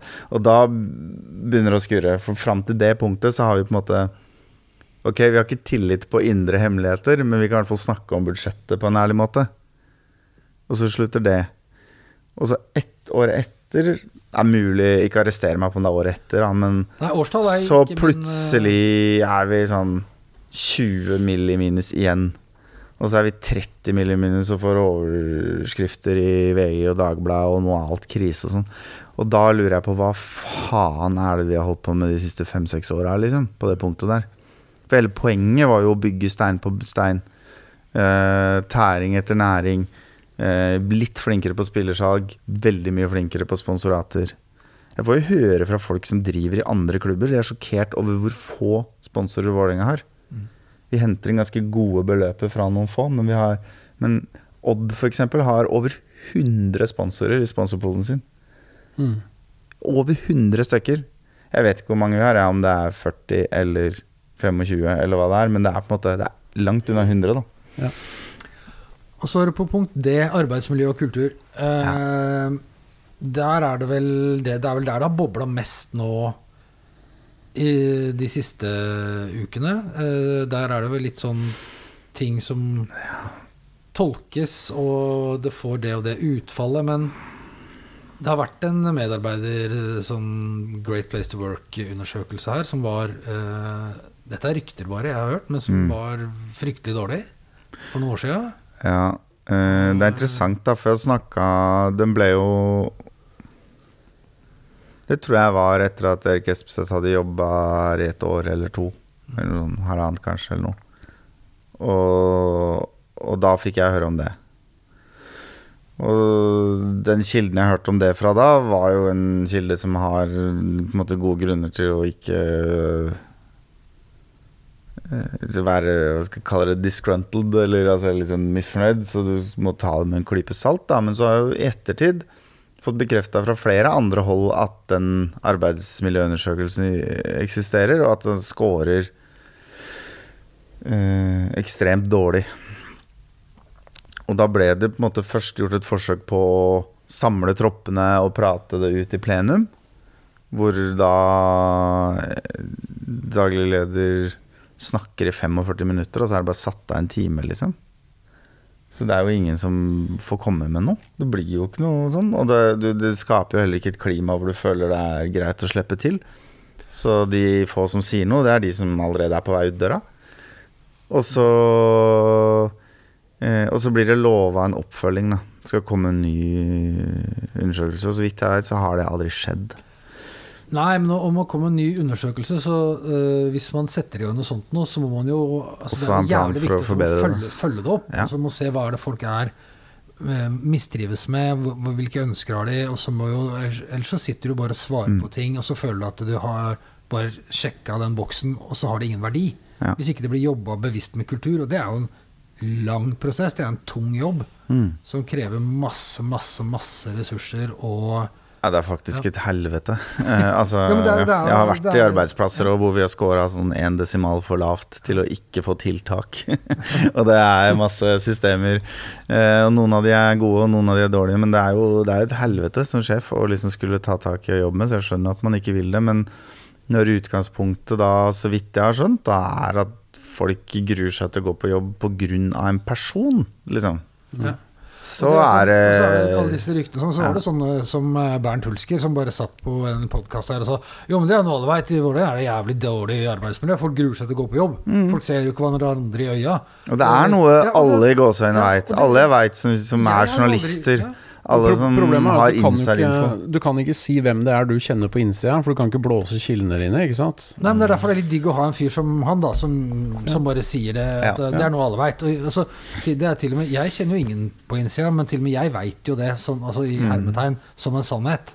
Ja, men Da var det så lett, altså Folk antar da at jo, men det er bare skravling. Men det er ikke det. Det kan, jo, men det kan Det har vært mye skravling i og rundt Vålerenga, og det, og det fins tilfeller av at et rykte har én kilde, Ja. og den kanskje er feil eller misforstått, og så sprer det seg. Men her snakker vi om så mye forskjellige folk som sier det. Og ja, nei, det, det, det Jeg er ikke i tvil om at det å jobbe i femte etasje her er ganske kjipt, liksom. Og det skal jo ikke være det. Om noe så skal en arbeiderklasseklubb ha et arbeidsmiljø for arbeiderne sine, liksom. Altså, jeg har jo en kilde, jeg også, fra han begynte. Og jeg trodde at vi liksom hadde skutt gullfuglen. eh, En fyr som har erfaring fra Rosenborg og seriemester eh, i Drammen. Og de blei jo ikke ballistisk. Jeg har aldri sett noen reagere, supportere reagere sånn når en annet lag signerer en daglig leder fra de. De var jo rasende der nede. Og så Ronny Deila også, fordi han fikk tydeligvis ikke lov å trene Vålerenga etter han har trent godset, selv om han har vært innom et annet sted. Men eh, første måneden så hørte jeg at han hadde en overraskende kjip lederstil, at folk var eh, litt satt ut. da. Mm. Ja, det gikk på oppførsel i møter, annet. Hvordan han sånne forholder seg til folk som jobber under seg. Eh, så da det, Jeg blei helt forbløffa. For Dette skal liksom være top notch-fyren, da. Jeg tror han er god i medgang. Ja, mulig. Da Eh, må det- må du ikke signere for Vålerenga. Ja, og da er det en måned inn, og folk reagerer negativt på stilen til den nye fyren. Da, som, Mm. Det er jo ikke bra. Nei. Og så slenger du på på slutten uproff eh, oppførsel. Nå, nå har vi gått Altså, dette handler om eh, at det eksisterer flere historier om oppførsel mot samarbeidspartnere og sponsorer. Mm. Så du sier jeg kan ikke være helt se og høre her, men det var jo noen på Twitter som slang seg på, som jobba for en, en samarbeidspartner, som sa det. Ja, jeg har vært med å gå fra sånne samlinger på kvelden fordi Ja, den, den, den ene historien jeg på en måte kan fortelle, da, som ikke er liksom eh, Ja, som, som er er klart, eh, Nå sitter vi her og legger ut Mm. påstander til en som ikke kan svare Ja. eh, på det vi sier her og nå, så vi, vi må eh, liksom ta det for det det er. Dette Ja. er Ja, og så tenker jeg at det liksom var, øh, var altså, sånn øh, Røverhistorier fra fest og sånn. Altså, unnskyld meg, men se til Vålerenga hockey, liksom. Det er ikke noen grunn til at vi som klan skal sitte og, og se ned på røverhistorier for fest. Men det jeg syns er et problem, er når man har sånne, sånne samlinger med sponsor og sånn. Som på en måte helt åpenbart bare er der for at alle de som sitter med beslutningsmyndighet om man skal bruke mer penger på å sende Vålerenga på en ekstra Engaland eller liksom et eller annet sånt noe, da. De skal ha et så godt forhold til deg at, de, at den terskelen er lavere. Det er jo målet med Det er smøring, ikke sant? Altså, og, og, Hvis man har det hyggelig sammen, så vi får lyst Ja. til å jobbe mer Får lyst til å jobbe sammen og og finne løsninger lettere og alt sånt. Og da har jeg hørt en helt konkret historie om at man da er samla, så sitter jo folk Når det er litt mange, sitter man jo på forskjellige bord ikke sant, rundt omkring, og så kommer da daglig leder, setter seg ned og begynner å skravle om historia seg sjøl, og så liksom går folk bare hjem. Mm. Fordi de orker ikke mer. Før liksom festen er kommet i gang, ikke sant? Mm. Og da fungerer det jo mot sin hensikt, da. Da skremmer jo penga ut av rommet, liksom. Ja, det er jo Det er jo helt sjokkerende å høre, liksom. Og da Altså, han har jo også en selv... Altså, det er vel en del av jobbeskrivelsen hans å være selgende og inntektsbringende, på en måte. Det er ikke Mm. bare markedsføring som skal være det. Så han liksom med oppførsel motarbeide nærmest markedsføring, da. Det er jo ikke bra. Eh, men det, jeg syns det, det er sånn forbløffende å høre, for at det er så jævlig åpenbart at eh, det er, når du er daglig leder, det er bare work the room, liksom. Altså Disse folka har allerede fått inn i rommet. Mm. De er keen på å være med på hva det enn du har å tilby dem. De har allerede signert på at Ja. de skal bruke penger på deg. Ikke sant? Nå er bare spørsmålet Skal de bruke litt mer neste år. Og så, for mandag for en uke siden, så smalt det ordentlig, da. Mm. Da skjedde jo det som eh, Det som ikke skulle skje, men som alle har gått og frykta litt, at eh, Meran Ja. sa opp. Og da er det jo mange som knytter det til det dårlige arbeidsmiljøet, da. Ja. Og noen går lenger og knytter det direkte til på en måte personkonflikt mellom de to. Ja. Og det har ikke jeg grunnlag for å si noe om, tror jeg. Eh, Men det er jo derfor Men det er det som er grunnen til at folk reagerer. Er det ikke maktkamp eh, på alle sånne svære bedrifter? At det er folk som vil ha Altså, er det så Det må jo ikke være det. Nei?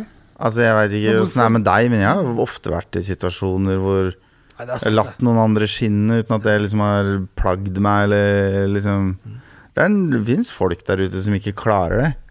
Mm. Men dem bør bare være én av i hver bedrift. og de bør sitte på toppen. Ja, fordi altså sånn, Ja, ja. Men, eh, men, eh, men eh, det, altså folk reagerte altså Det er noe, noe rart når folk reagerer så sterkt emosjonelt fordi Ja. markedssjefen i en klubb sier opp. Det er jo tross alt liksom ikke Det er jo morsomt, for det jo, han representerer jo den moderne fotballen. altså sånn Men virkelig. Ja, Ja. men Jo, men han har klart å bygge en broa over det, da. Ja. Og det å på en måte være en moderne fotballklubb og samtidig danne et nært forhold til fansen. Og det er jo også, det, kan, det kan du ikke klare å få til hvis du bare har liksom studert markedsføring på BI, og så skal du begynne i Vålerenga og tenke at nå skal jeg være Nå skal jeg være en sånn kul fyr som er kompis med fansen. Grunnen til at det funker for Meran, er fordi at han er Vålerenga-supporter. ja, han har sjel, ikke sant. Uh, det er mange Vålerenga-supportere som ville vært jævla døve folk i en sånn kompisdialog òg. Det kan ikke vært det. Nei, ikke sant? Og, men ja, han, det, er, det er ekte, det han driver med. Og så er det sånn at vi har hatt god og dårlig dialog med med supporteren Nei, med, mellom supporterklubb i mange år, på forskjellig nivå. Og vi har vært flinkere til å etablere det på det formelle nivået, da. Mellom én representant for styret i klanen, kanskje, eller ikke sant? mellom en liten arbeidsgruppe bestående av flere supporterfolk og resten. Men han snakka bare rett inn i folkemengden, da. Han, han ringte ikke- jo ikke talsmannen først, liksom. Han bare gikk rett ut på Twitter, rett inn i folkemengden, rett inn på puben. Mm. Og der har han gjort noe øh, ingen andre har gjort, på det jeg kan huske. Som Ja, er helt vært, unikt. det- Ja, det har vært veldig, veldig spesielt og Mm. veldig flott. Det var vel antakeligvis derfor folk eh, reagerte så jævlig òg, fordi man tenkte at han er vår mann i klubben. Ja, altså gjorde noen sånne småting som folk har ønska seg i alle år, da, som for å få Vålerenga synlig i bybildet og ikke sant, Ja, ja, altså sånne ting i tillegg. da Men jeg føler også det er, det, det er altså bare den der nærheten at det for eksempel Altså jeg vet, ikke om dette har skjedd konkret, men det er sånne eksempler som man kunne gjort. Da, at hvis, hvis noen kommer med en unge, liksom, og så så ordner han en gratis drakt med noen signaturer på og sånne ting. Og så Mm. får de liksom en, en markedssjef i, i Molde da ville sikkert tatt betalt for den drakta, ikke sant? Skjønner jeg mener? Altså, det er liksom den derre der mentaliteten med at hvis du bare det koster ikke eh, så jævlig mye å være raus, og så kanskje du får igjen seinere. Men det er jo et poeng, da, at liksom når du sitter da en, Du blir ansatt i en klubb som har liksom lønnsfrys og driver og filer på budsjettene i et forsøk på liksom få et underskudd på 26 millioner til å bli et nullbudsjett over fem år, ikke sant? Altså um, jeg antar at det er et visst krav til at hver krone investert skal gi noe avkastning, på en måte. Uh, og da er det fort gjort å havne i en situasjon hvor du sparer deg til fant, da, som det heter. Altså at du kutter du kutter i kaffen til de ansatte, liksom, og så blir de dårligere arbeidere. Eller du kutter i gratisbillettene og draktene du deler ut, og så verver du færre betalende kunder, ikke sant. Men han har, han har skjønt det, da, på en del sånne ting. Siste fyren vi hadde i Vålinga som jeg faktisk virkelig har eh, sett tenke på samme måte, var eh, eh, Sjur Mørk, liksom. Og det var vel i 2008. Det er, han er ingen som har hørt om. Men han hadde vett nok da når Vålerenga skulle spille sånn showkamp mot Liverpool, og så til Liverpool avlyse. Så hadde Vålerenga i kontrakten sin at da kunne de kreve 300 000 kroner fra Liverpool i erstatning. Ikke sant? Og han sa da det gjør vi ikke. Vi bare booker neste års dato isteden. Og selvfølgelig setter de så pris på det. Da gjør de det, og så tjener Vålinga 2,5 mill. isteden. Ikke sant? Eller hva det nå var de tjente. Men altså Den evnen der, da, til å ta, ta den kostnaden innimellom for å tjene penger i framtida Sjur Møk er altså den eneste fyren som har dratt hele TIFO-gruppa backstage på Rockefeller og skjenka dem på øl. eh, under, en, under cupfinalefesten, eller hva det nå Nei, kickoff var det sikkert. Men ikke sant? Og det er noe med å bare se og skjønne de der små greiene der. Det er mye penger for de som får ølen, men det er ganske lite penger for klubben. Og det du får igjen i lojalitet, er liksom Ja, for det er vel noe av, eh, av nøkkelen her. Den lojaliteten eh, du, han har fått, som kanskje ikke er til klubben, men som først og fremst er til han fordi han har eh, vært åpen med informasjon, han har gitt folk tillit, og eh, folk har blitt både sett og hørt på en måte vi ikke har eh, Egentlig alt vi etterlyste i de formelle møtene, da. Som vi ikke fikk. så, så gjør han det markedsfører skal gjøre, at han, kunden skal føle seg velkommen og satt pris på. Er vi kunder nå? Ja. Nå, nå, er, vi, nå er vi kunder. Nei, men du skjønner hva jeg mener. Det er jo egentlig det han gjør. Ja. Det er jo ikke noe sånn sett ikke noe annerledes, men allikevel så er det, det er så jævlig få klubber, egentlig noen idrett i Norge, som, som har liksom den mentaliteten. At du kan være litt raus med folk, selv om du kanskje ikke nødvendigvis får tilbake kroner og øre akkurat der og da, fordi du ikke selger en vare enn en tjeneste, men du får masse goodwill, og det forplanter seg, og du, du opparbeider det, kommer tilbake seinere. Men det er også bare andre ting, sånn som plutselig på hovedtribunen her så står det en automat som er full av Vålerenga-effekter, med drakter og skjerf og sånn. Den tømmes nesten hver eneste hjemmekamp. Hvor du kan betale med VIPs. Det ser ut som en sånn pakkeautomat fra Posten nesten, med vindu inn, så Ja, du ja, ser ja, hva som ligger der. Det er, klar over i det hele tatt. Det er genialt. Skanner du QR-koden, og så betaler du med VIPs, så åpner døra seg. Så har du en drakt til ungen på vei ut. Mm. Den tømmes nesten hver match, eh, har jeg skjønt. Ja, for det er ikke Altså, bare det er så han smart, da. Ja, men det er ikke bare at han gjør liksom cheesy triks for å vinne folks hearts and minds her. Han er jo smart nok til å hale spenn ut av de andre tribunene òg. Vi har jo hatt uh, mange år med Vålerenga hvor klubben tar um, møte med klanstyret før sesong og spør oss Ja, hvordan skal dere selge sesongkort i år, liksom? Altså, det, det, Men det er ganske interessant, fordi Vålerenga har en litt unik historie der. På Ullevål så var vi Ikke sant, når vi var eh, eh, Når vi var 10 000 på en kamp, da, så kunne det fort være 6000-8000 Altså det som i praktisk føles som alle var medlemmer av klanen. Ikke sant? Medlem av supportergrupperinga. Eh, Vis meg en klubb i Europa noe sted som har det sånn. Tradisjonelt sett så er supporterne den grupperinga som lager liv. Det er en sånn liten minoritet inne i hjørnet, og så er resten er liksom tilskuere. Eller flanører, eller hva det er man kaller det. Eh, som var ikke i Vålerenga. Og der, det gjorde at Vålerenga gikk til klanen og spurte ja, hvordan skal dere få alle deres medlemmer til å komme. Og så sov man litt på det billettsalget sjøl, da. Ehm, mer han henvender seg til supporterne, ja, og det er derfor supporterne elsker han, men han henvender seg også til alle de andre folka jeg ikke bryr meg om. Og han passer på at de kjøper en vaffel, og han setter ut den automaten, ikke sant. Og han, han ser de folka òg, da. Uh, og det tror jeg er en forutsetning Ja, ser- for at Vålerenga skal klare å Du fylle ser på. T-banen, og plutselig har Vålerenga en sjappe på Oslo City, og det er liksom synlig Mm. Mange måte bekker små, da, Ja. ikke sant, som bidrar.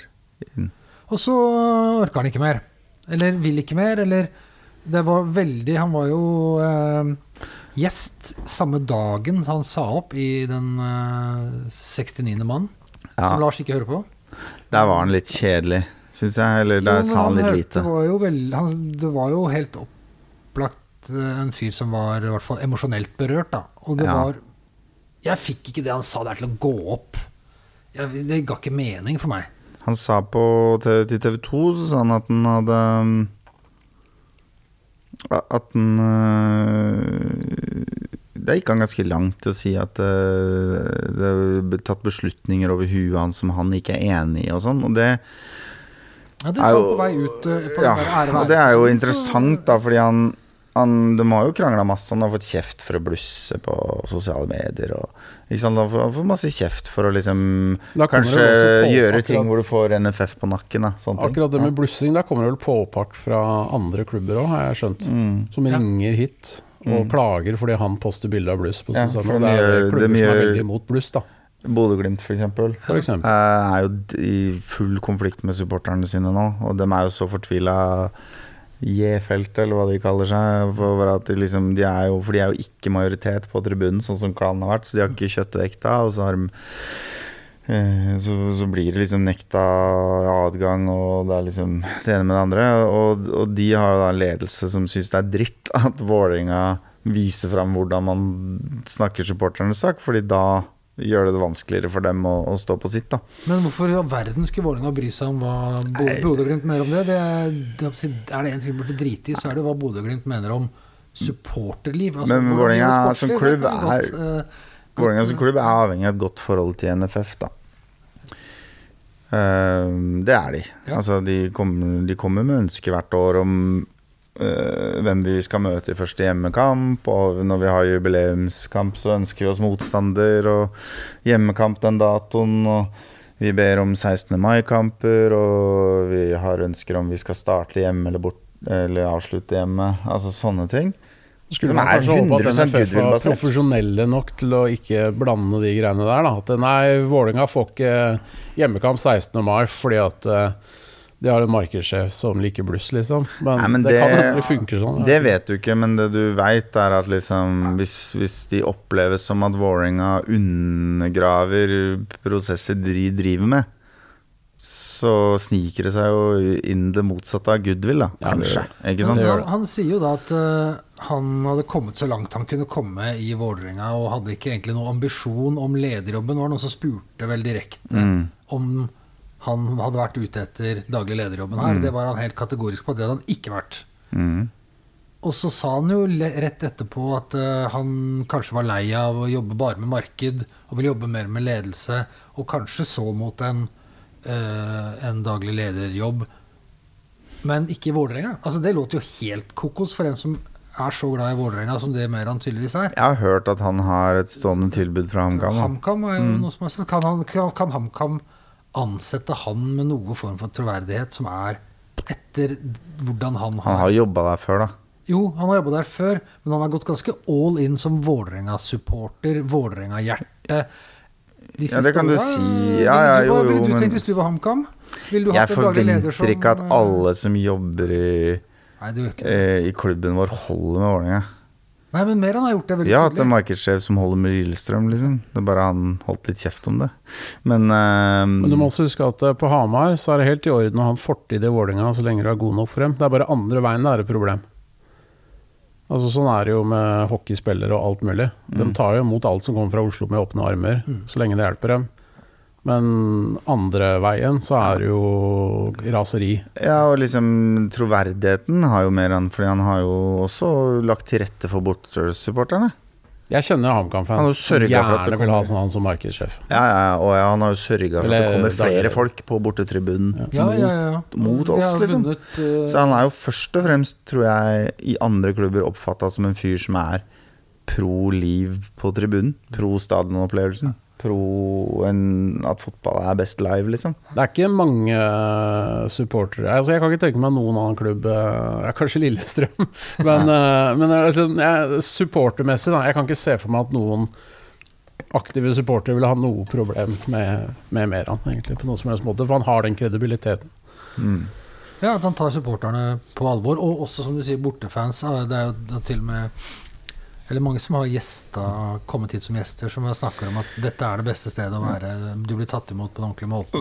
Og så er jo spørsmålet om han da vurderer et tilbud fra HamKam, eller sier opp jobben sin fordi han har tilbud fra HamKam fordi han vil bli daglig leder, eller fordi han bare vil ha en jobb hvor han ikke hater å gå på jobben hver dag. Eller, altså- det er en ting til jeg ikke får til å gå opp, da. Det vet jeg ikke, det veit mer han. Ja da, jeg veit Ja. det, men jeg må stille spørsmål Ja. så vi kan spekulere. Det er jo vår, eh, det er jo vår, eh, vårt privilegium. Hvor, hvis du skal ut i pappaperm Mm. og være borte fra jobben si fem måneder, hvorfor sier du opp jobben før permen? Hvorfor setter du deg ikke da Du tar perm, så har du en vikar, Mm. og så sitter du på avstand og ser hvordan dette spiller ut. Du veit at det er noe bevegelse i kulissene. Kanskje noen er på vei ut, kanskje noen er på vei inn. Eh, og så- om et halvt år så kan det se jævlig annerledes ut. Hvorfor sier du opp før du går ut i perm? Det får jeg heller ikke til å gå opp. Det ville ikke jeg gjort, i hvert fall. Hvis han er overarbeida og i tillegg har en pågående arbeidskonflikt, så skal du ikke se bort ifra at han er jævlig stressa. Nei. På en sånn måte som går utover helsa di. Jeg tror det er stor forskjell på å gå inn i pappaperm med det der hengende over seg, Kanskje? og gå inn i pappaperm Og tenke på at du skal tilbake. Ja. Og nå er det, nå er det, nå er det gjort. Han har laga en avtale ut året, ikke sant? Så han gir klubben han er glad i, en mulighet til å finne en god erstatter. Men han gir også alle som har lyst til å gi han et tilbud, god tid til å gi han et tilbud og fullføre en sesong og alt mulig rart. Liksom eventuelt òg, da. Så nå veit jo hele Norge at han er flink, jobb. og han har ikke jobb, liksom.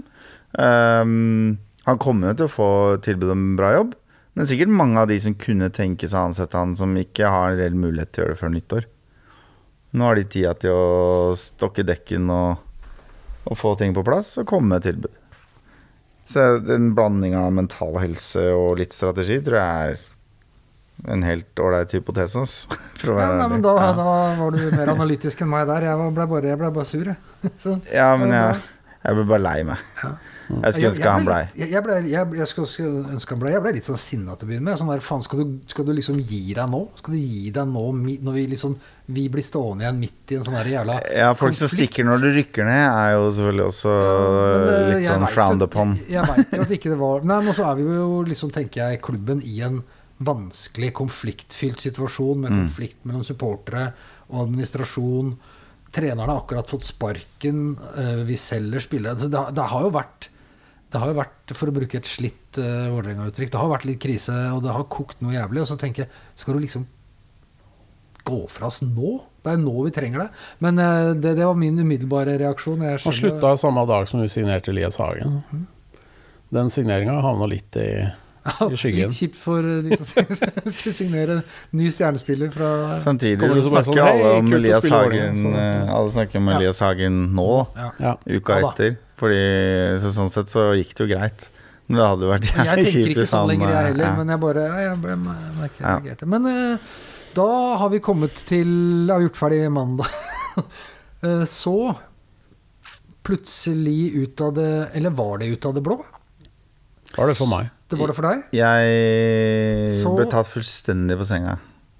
Ser vi at uh, vår gamle Som har vært daglig leder i Vålerenga fotball i tre-fire Nei, år. han var, var, Var jo, han var daglig leder, ja. Ja, Det er sant. Ja. eh, Kjetil Siem ja. plutselig er ansatt i av Trøim til å lede Vålerenga AS, AS. sitt styre. Ja. Og det er jo interessant, for det, det er jo sånn man veit ikke om man får lønn engang, på en måte. Eller jeg regner jo med det. Eh, Men du Han skjønner hva jeg måtte jo mener? si opp som konsulent i TV 2 ja. for å ta den jobben, så jeg går ut ifra at han får en ganske grei godtgjørelse for å Men- ta det. Tror du ikke han samtidig har de pengene han trenger, på en måte? Altså, Jeg har alltid hatt mer, det er er da. ikke sikkert han får mer penger enn han tjente TV 2. Det vet jeg ikke. Nei, Men men jeg jeg, tror ikke han tjente dårlig TV 2, da. Men, men det som er interessant med en sånn styre, Ja. styregreie, er jo at aksjeeierne kan jo bare skalte og valte med styrerepresentanter, ikke sant? Mm. Du trenger bare en generalforsamling hvor et flertall stemmer. Eh, og flertallet her er jo Trøim. Punktum. Ikke sant? Sånn at uh, han kan Han må ikke ansette en styreleder. Han må ikke lønne han. Han, må, han har ikke noe oppsigelsesvern. Det er ikke noe Det er bare Du bare setter inn en fyr. Og så er det jo jævlig spennende å se hva mandatet blir. Fordi liksom det er jo ikke definert ut fra posisjonen. Men når du anse, altså bare ansetter en fyr Kjetil Siem er ikke bare en fyr Nei, nei. i denne sammenhengen. Han, Nei, poenget mitt var bare prosessen for å få det gjort. Da. Han er jo ikke faktisk ansatt heller. Han har Nei. ikke Ja. Men han blir jo ikke ansatt for å koke kaffe og kjøre kopimaskin, han. Eh, Hvor, hva skal han gjøre som ikke blir gjort i dag? Er det Han sa jo litt sjøl at uh, trøye mennesker med tilbaketrukken rolle. Skal han være Ja, så, så han skal være Han skal liksom være nye trøye, Trø, ta Trøyms rolle. Det, det betyr jo Um, hva var, Det var jo ikke Trøm det styreleder fra før heller, men Nei, det. det kan jo hende at det betyr at han ikke eh, ringer treneren og tar ut laget lenger, da. ja for vi veit jo at Trøim har vært jævlig hands on Ja. i den siste perioden. Men han var jo det med Fagermo. Jeg husker jo det når Fagermo ble ansatt, så sa jo Fagermo at han hadde telefonintervju med Trøim og drev og skrøt av fotballkunnskapen til Trøim og sånt. Mm. Og åpenbart smiska litt, da. Ja. Uh, så det virker som særlig Fagermo har liksom Der har Trøim vært jævlig på egentlig hele veien, tror jeg. Men også med Ronnys Men der er ikke, der er ikke like sikker som med Fago. Men sånn som vi har skjønt det, da, så har de liksom gjerne en innledende samtale når de får ny trener. Hvor man snakker litt om prosjektet og blir lova litt penger og sånn at det skal gå an. Og snu om på stallen og sånn, ikke sant. For det er jo det vi gjør hver gang. Røsker opp alt med rota og begynner på nytt. Og så på år to så begynner Trøim å mase og stille krav. Og det sliter ut trenerne, da. Eh, så de er alltid bestevenner første året. Mm. Eh, og det var Fagermo òg. Kjempe, kjempehappy, ikke sant. Hadde bare lovord og sånn. Og så etter hvert så, så blei det annerledes. Andre boller. Nå har Geir Bakke sagt rett ut at han ikke skal ha kontakt med Trøim, så vi får se hvor lenge det holder. Har han sagt det? Ja, han- det mener jeg er ganske sikker på han sa i et intervju. Ja, han gjorde det. Og så har uh, Trøim hyra altså Siem. Og det er også litt sånn, for det er litt sånn Altså, det er Norges best skarpskodde fotballadministrator. Ja. Han kunne gått rett inn til å styrt forbundet igjen. Han kunne gjort hva, som, hva han ville av Idretts-Norge. Og Ja, og han har- jo erfaring fra Fifa, sitter liksom ved bordet ja, med Det er shady business der, for å si det sånn. Jo, han, han han, altså- han, skulle jo gi Infantino kredibilitet, så vidt jeg skjønner. Var det, sånn der, var det sånn etisk direktør, eller hva faen det var for noe i Fifa? Men uansett så har du i hvert fall uh, sittet eller diskutert med folk som har en viss tyngde, da, som du sier. Altså, det er ikke Jo, altså Husk også at han etter Vålerenga så ble han vel sjef i norsk toppfotball, var det det? eh, Jeg tror det. Og så var det Ikke vel til Sør-Afrika? Jo, altså han, han Dette er en fyr som er utdanna dukketeaterpedagog, altså. Ja, det er ganske fett. Og så ble han sportsjournalist, havna i Vålinga, havna i norsk toppfotball. Og så plutselig drar han til Sør-Afrika og blir ligasjef i Sør-Afrika i oppkjøringa til VM, hvor han Det Han første han gjør, er VM i år, gjorde han ikke jo, avvikling av VM Ja. og sånn. Og han reforhandler da TV-avtalen til den ligaen, så de får fulle rettigheter selv. For det hadde vært litt sånn der eh, Bare få ordna det på plass. Så de øker inntektene til ligaen massivt. Er med liksom å overse bygging av stadion, infrastrukturen og prøve-VM. Og, og henge med Nelson Mandela ene dagen og Sepp Latter andre dagen, liksom.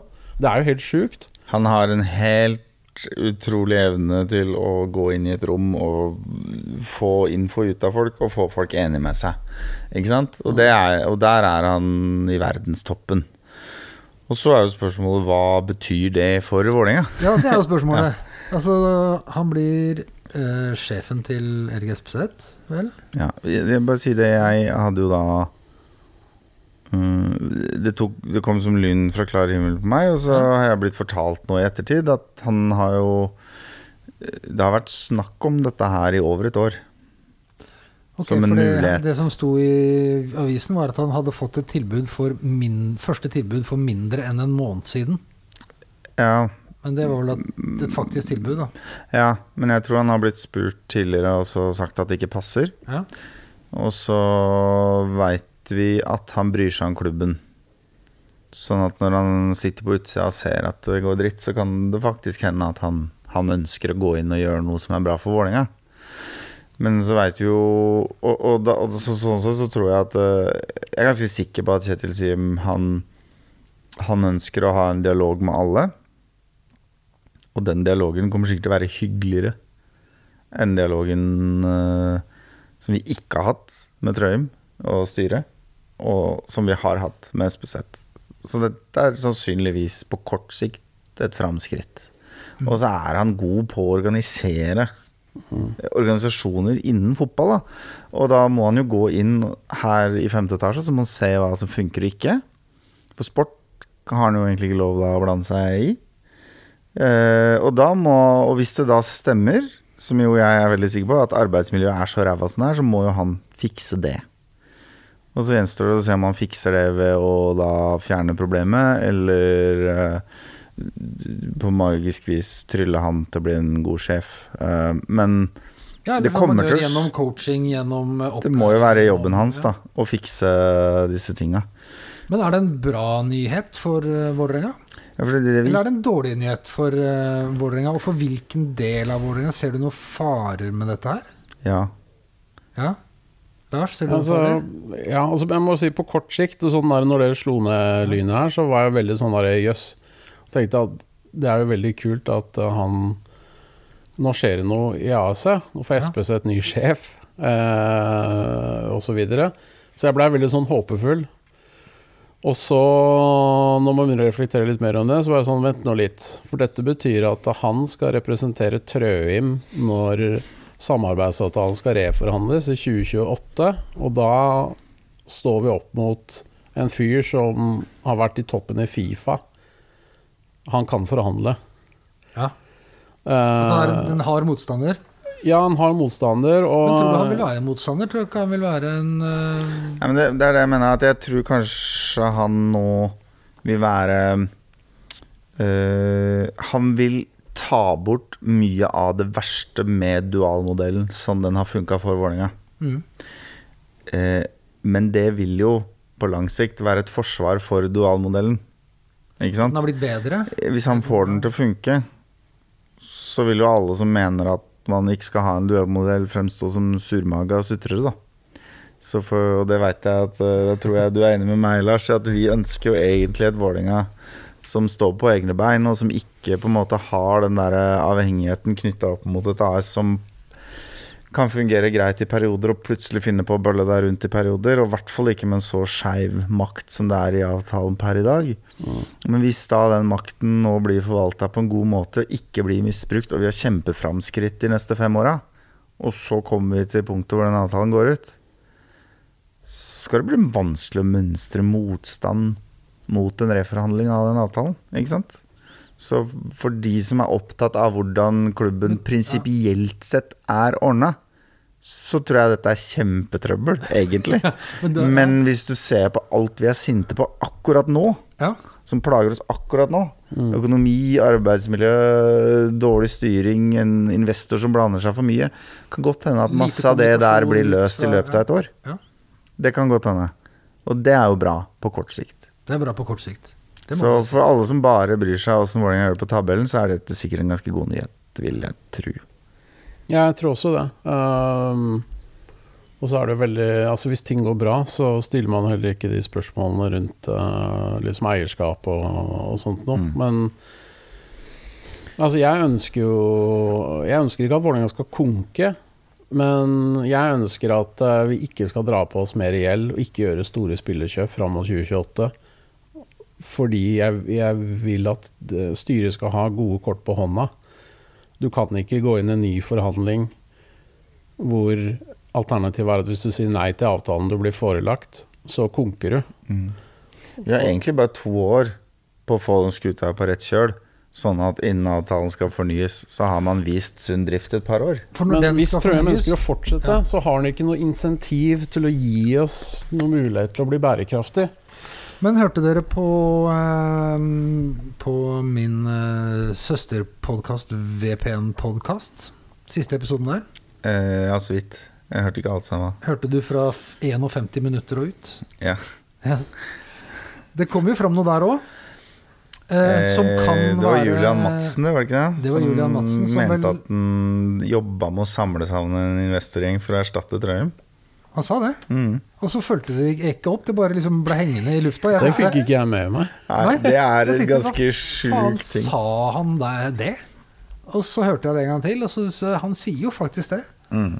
Han sier sier øh, at øh, han jobber med å samle en, øh, en gjeng med investorer for å, å forberede et, øh, altså et, Å ta over som investorer fra Trøim. Mm. Og om de har snakka med han eller ikke, ikke vet jeg. De, de sa, jo- han sa jo bare ikke mer enn det. Jeg har aldri hatt mer lyst til å være rik i hele mitt liv enn da jeg hørte det. For jeg tenkte sånn, faen, Hvis jeg hadde vært en sånn fyr nå som hadde to millioner til overs, så skulle jeg vært med, liksom. Mm. Ikke det at to millioner er nok, og noen andre måtte ha spytta inn mye mer og sånn, men hvis man kunne etablert en greie hvor liksom dialogen var konstruktiv, og målet var bare å ha en buffer, ikke nødvendigvis styre så jævlig Spilt med krise på shortsen i Ja, to nei, sesonger. ja, nei, men han sa jo det, det Det kan jo være også noe med timinga til at CM kommer, at det skal forhandles den veien. Ikke nødvendigvis forhandles med klubben med det første, men hva vet vi? Ja, det er jo sant at Hvis du skal prøve å liksom selge det AS-et der på en eller annen måte, så er jo CM sikkert en god mann å ha også. Mm. Men hvem faen har råd til å kjøpe det opplegget der, da? Sånn som det, det ser ut nå, liksom. Det, det virka som det var Men da er det bare å lage et nytt da, det veldig, veldig, veldig, veldig mange penger, for å si sånn. Mm. At, Nei, men Det hvis, ikke hvis samarbeidsavtalen opphører, så frafaller jo all, alle fordringer mot Ja. klubben. Ja. Og da er jo det AS-et bare Da konker det. Ja, Så kan du bare opprette et nytt AS, da. Vålerenga Fotball AS 2. ja, Og så det er ikke noe lager du problem. en ny samarbeidsavtale. Eller man kan kalle det noe noe som handler om at man har hjerte for klubben, eller som på en eller annen måte gir en litt annen intensjon enn at man skal øke starte en drøm. Den, Starte en drøm, ja. Nei, altså den der, eh, som vi har i, i Bodø, som et slags ideal, da, hvor det er både bedrifter og enkeltinvestorer som har en sånn pool som Mm. sponsor, som eier et AS og sp bruker så så mye penger i året. Det var vel noe sånt han skisserte. Så jeg Ja, og den er jo litt interessant, da, fordi de har da tilfeldigvis liksom kommet på banen. Og det kan godt hende de skaffa Kjetil Knutsen arbeidsro, ikke sant? Og, og sånn sett har bidratt til den suksessen, men samtidig litt flaks, da. At liksom rett etter at den gjengen der er på plass, så bare går de 100 millioner i overskudd, liksom. Og da er det på en måte Jeg har sett det Jeg, jeg kjenner ikke forholdet der godt nok. Om det der er sånn tilfelle av at det er egentlig en helt jævlig modell, men alle bare er fornøyd fordi det Fordi går det så går bra. så bra sportslig. Eh, eh, det var forslag på forrige årsmøte oppe om å løsrive seg fra dem, men det ble nedstemt, veit jeg. Men jeg kjenner ikke argumentasjonen for eller imot. Nei, jeg vet ikke jeg heller. Det er veldig vanskelig å si, fordi at det, det er så avhengig av hvordan det går på banen, på en måte. Mm. Hvordan folk mener ting går. Sånn er det jo her òg. Altså, jeg har jo også egentlig bare lyst til å mene hvem som skal være trener og hvem som skal spille spiss. Ja. For det er jævlig pes å drive og Jeg har jo drivet og lagd mitt eget organisasjonskart og sånn for å prøve å få oversikt. liksom- det? Åssen gikk ja, det? jeg la Postet det på på Aperopet? Jeg posta det på Aperopet, eh, Ok. under forbehold at det kan være noe feil i det. Ja. Hvor jeg liksom satte en sånn midtstrek, da, altså hvem som er liksom på klubbsida, hvem som er på For jeg skjønner, altså det er ikke Jeg har også vanskeligheter med å på en måte holde deg der Du må være spesielt interessert, da. På en måte for å skjønne det. Men for de lytterne som er nysgjerrige, så kan du gå på Aperopet på en av de Ja, det var vel den der uh, saken min med den um, om strategi. Hva er strategien? I bånn der så, så, er det en tegning? så er det en tegning. Paint skills fra Eller Det er- er powerpoint skills fra et annet Google, nivå. eh, Google Sheets, eller hva Ja, det heter for noe, faktisk. Faen du, ass. Hva du ikke holder på med. Sheets. Men eh, er det mulig å lage noe rød tråd gjennom det vi har prata om nå? Eller er dette, går dette Altså, det er så jævlig mye parallelle ting. Så mye Det henger sammen løselig, men det er flere spor her. Men det er vendepunkt da, som kanskje som er den røde tråden. For vi hadde et vendepunkt sportslig nå. Så, ja, vi, slo eh, godset. Jeg veit ikke. Det er litt tidlig å kalle det et vendepunkt, men la oss si Ja, det, men, du, men det, må- det som er vendepunktet, er at vi har en kamp hvor vi setter sjansene, og ikke roter det bort. ja. Og hvor vi faktisk ser eh, bra ut ja, i 75 minutter, da, eller noe. Ikke sant? Altså, okay. liksom, og oss, det er, det er nytt. Ja da, la oss øh, vi var, Eller det Mm. kunne man sagt etter Rosenborg-kampen òg, da. Faen, vi slo Rosenborg på Lerkendal, kom igjen, nå snur det. Men la oss si, da. For, Det var jo noen av oss som sa òg, men det, det går an å ta feil innimellom òg. Ja, ja, ja, det er lov. Eh, men la oss si da at det er et vendepunkt, da. Uh, Ja. det, sportslig sett så snudde det.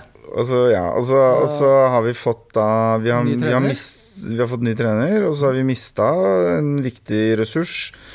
Men han har jo da på vei ut døra også på en måte satt noen ting på spissen, da, som på en måte ikke kan forbli urørt, føler jeg. Og så har vi ny styreleder i AS. Og de tinga henger liksom løst sammen. Ja. Det kommer ikke til å ikke skje noe, liksom. Nei. Spørsmålet er bare hva og hvor fort. Og så tenker jeg jo, hvis jeg skal få lov å ønsketenke litt ja, jeg syns jeg du skal. Jeg tror jo det er for alles beste at Erik Espeseth går ut døra. Eh, Jeg tror ikke han har noe gøy på jobb om dagen heller, for å si det sånn. Nei, det Eh, Han er klar over at alle de ansatte ikke liker han. Og han får masse tyn i sosiale medier Ja, hele tida. Og han merker jo det at altså, det har hengt bannere oppe utafor Ja, kontoret hans og spraya på veggen. Han har jo ikke noe gøy, han. Ikke sant? Men det er klart hvis han sier opp nå, så, så har han ingenting, og så har han karantene hos Nav, liksom. Hvis han sitter helt stille, så får han et tilbud om en sluttpakke, kanskje. Og Kjetil Siem som kommer nå, han skal nå komme inn og gjøre sin egen faglige vurdering av organisasjonen eh, Vålerenga eh, Fotball AS, eh, sin administrasjon, ikke sant? Eh, og da eh, Da gir det mulighet for å konkludere med at det må skje endringer, uten at det blir tatt til inntekt for eh, et folkelig press. Mm. For det er jo et litt poeng òg. At hvis jeg hadde vært Trøim, f.eks., så hadde ikke jeg vært så jævla keen på å gjøre noe som alle disse apekattene her ute sto og ropte at jeg skulle gjøre. Jeg hadde blitt sta, liksom. Var det ikke du som mente du ikke ble det i stad? Ja, hvis du var Trøim. Hvis jeg var Trøim, altså hvis du sitter der og Ja. mener du veit best, og du har drevet business, og så ikke- står det Fordi husk på at eh, jeg og Lars og en hel haug med andre kommer med relativt nøktern kritikk. Ja. Relativt konkret kritikk, men liksom sånn det ser ut, helheten. Og spesielt når folk liksom går på person og sånn, og bruker karakteristikker og sånn, er at det bare er en eller annen sånn derre eh, flodbølge av eh, sutring.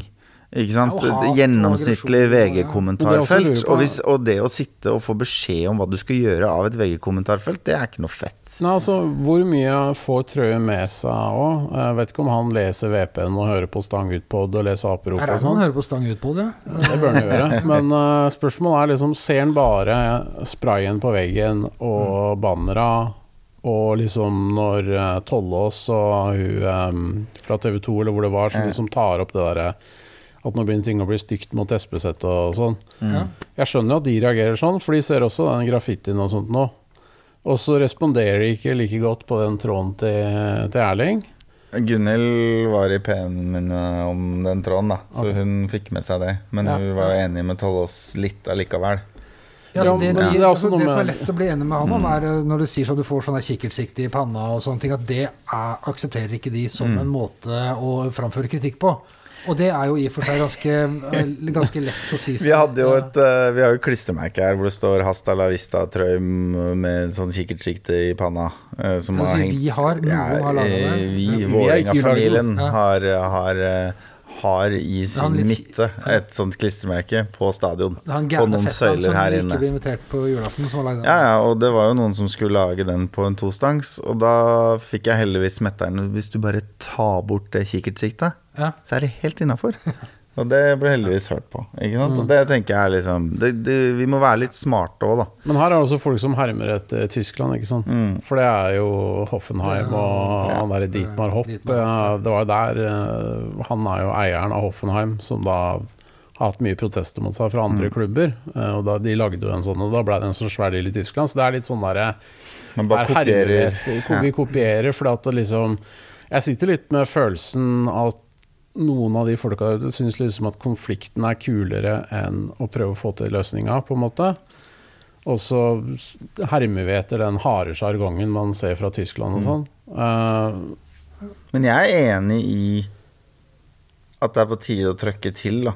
Ja, Og jeg er ja. enig i at vi skal ha bann hver gang. Ja, full forståelse. Men jeg syns ikke vi skal oppfordre til drap og vold. Vi skal prøve å si. Vi skal si 'du gjør en dårlig jobb, pell deg ut'. Vi skal ikke liksom si 'du er en idiot'. Eller jo, kanskje idiot, men ikke Altså sånne karakteristikker som bare ikke betyr noe, da. Som bare er drittslenging. Det, det skader saken mer enn det I hvert fall, i hvert fall hvis, hvis man tror det er viktig for saken at menigmanns og journalisters oppfattelse av saken har noe å si for utfallet, så er det viktig. Og så gir han en mulighet til å trekke fram det som en Ja. sånn derre 'Å, jeg er, det er så synd på meg, jeg blir hetsa' og sånt nå. Og det må jeg si, måten han svarer media på, syns jeg er jævlig provoserende. Og det er en av de tingene som har gjort at jeg har blitt liksom mye mer eh, for at SPC skal slutte. Ja. Eh, Det at han f.eks. svarer media med at nei, det går jo dårlig sportslig, så det er forståelig at det er kritikk, men jeg har ikke noe med sport å gjøre. Han liksom drar den der, altså han veit at det er det ikke kritikken går på, men han bare velger å svare sånn. Og, og Og så så gjorde han det en stund, og så begynte talsmennene våre, dyktige folk, altså, begynte å liksom si han veit han ikke blir kritisert for det sportslige, det handler ikke om det.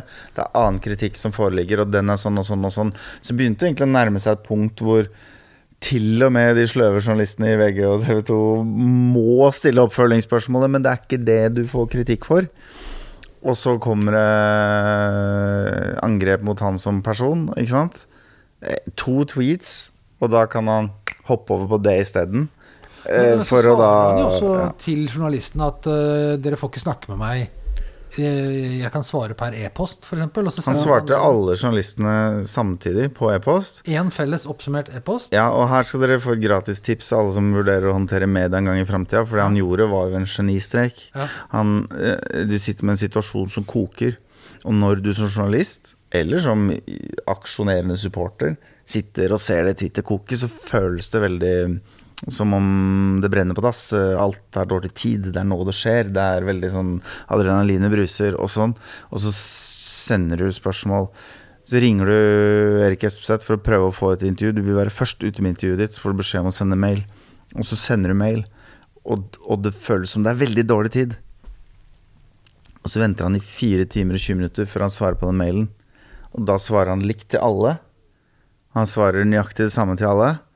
Og da er de så stressa på at de må være først på den saken. De har sittet i fire timer og bare får vi ikke svar snart, får vi ikke svar snart. Refresher konkurrenten. De har ennå ikke en sak, de har ennå ikke en sak. Bam! Du bare trykker. Du trykker det med én gang for å være først ute.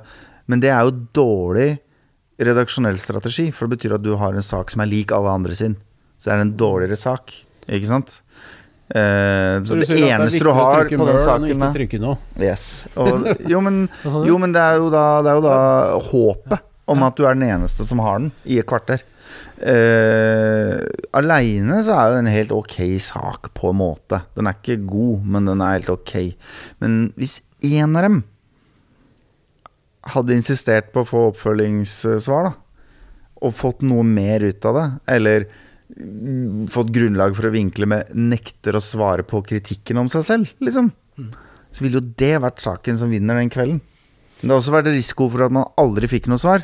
Ja. Og da er man sist ute, og så får man kjefte av sjefen for å ikke skaffe klipp. for at du har mista ballen, eh, mens alle de andre har trykt eh, svar det. Så det er en masterclass i mediehåndtering av Erik håper du har en Espeseth. god sjef som så får historien om hvorfor du gjorde som du gjorde, og sier 'bra tenkt'. Vi, eh, Vi tar den risken i dag, liksom. For jeg Den skjønte, jeg skjønte på. Arilas på Twitter at han var litt frustrert. Det var han som skrev det, vel, at de Mm. hadde venta i 4 timer og 20 minutter. Og da får du ikke tid til å stille oppfølgings- oppfølgingsspørsmål, Fordi da drøyer bare han enda lenger. Og så vil noen trykke den første, og da det er liksom, Du må være først ute, og da er det viktigere at det er tynt enn at du gjør en ordentlig jobb. da Det er jo sånn det er. Det er klikkmedia. Anne, finansieringsmodellen, skal vi ikke begynne å gå gjennom hele den? Hvordan media er finansiert, Nei, og hva det gjør med kvaliteten. Jeg Lurer på om det, blir, må bli, det må bli en annen podkast en annen kveld, eh, Lars. Nå har vi vært gjennom enormt mye sportslig, supportermessig, organisasjon, eh, mediehåndtering. Er det Ja. noe, vi, noe dere har brent, når dere brenner inne med, noe vi ikke har eh, dekka? Og du, ja, du sa det er en eh, vi Jeg vil oppfordre alle andre, alle i Vålerenga-miljøet, til å invitere Kjetil Siem på en øl de neste to månedene. Jeg har eh, Jeg kan ikke skryte av at jeg har invitert, men jeg har eh, fått muligheten til å prate med han allerede på onsdag. På, Ja. på podkasten. Oi, spennende. Veldig spennende. Så det gleder jeg meg veldig til. Og håper at vi får inn masse gode spørsmål, og at jeg klarer å finne ut hva jeg skal bruke den timen. For det er én time. En time til. Uh, hva vi vil høre om fra Kjetil Siem. Den bør du forberede, ellers så koker den bort uh, på null komma svisj, og så sitter du der uh... Jeg lover jeg skal forberede meg. Det skal bli en bra prat hvor vi skal få høre eh, hva han ønsker å oppnå med å ta jobb i Vålerenga i dag. Jeg gleder meg skikkelig. mm. Spør om mandatet hans, og hvordan han ser for seg eh, 2028. Der har vi åpninga. Da lurer jeg på om vi sier eh, takk for i kveld, ja, gutter. Takk for oss. Takk for oss. Så går vi ut i stormen hans, og det stormer der òg. Og da takker eh, Stang ut på overtid ved meg, Jon Hernes, for eh, i kveld. Vi høres neste gang. Eh, på gjenhør.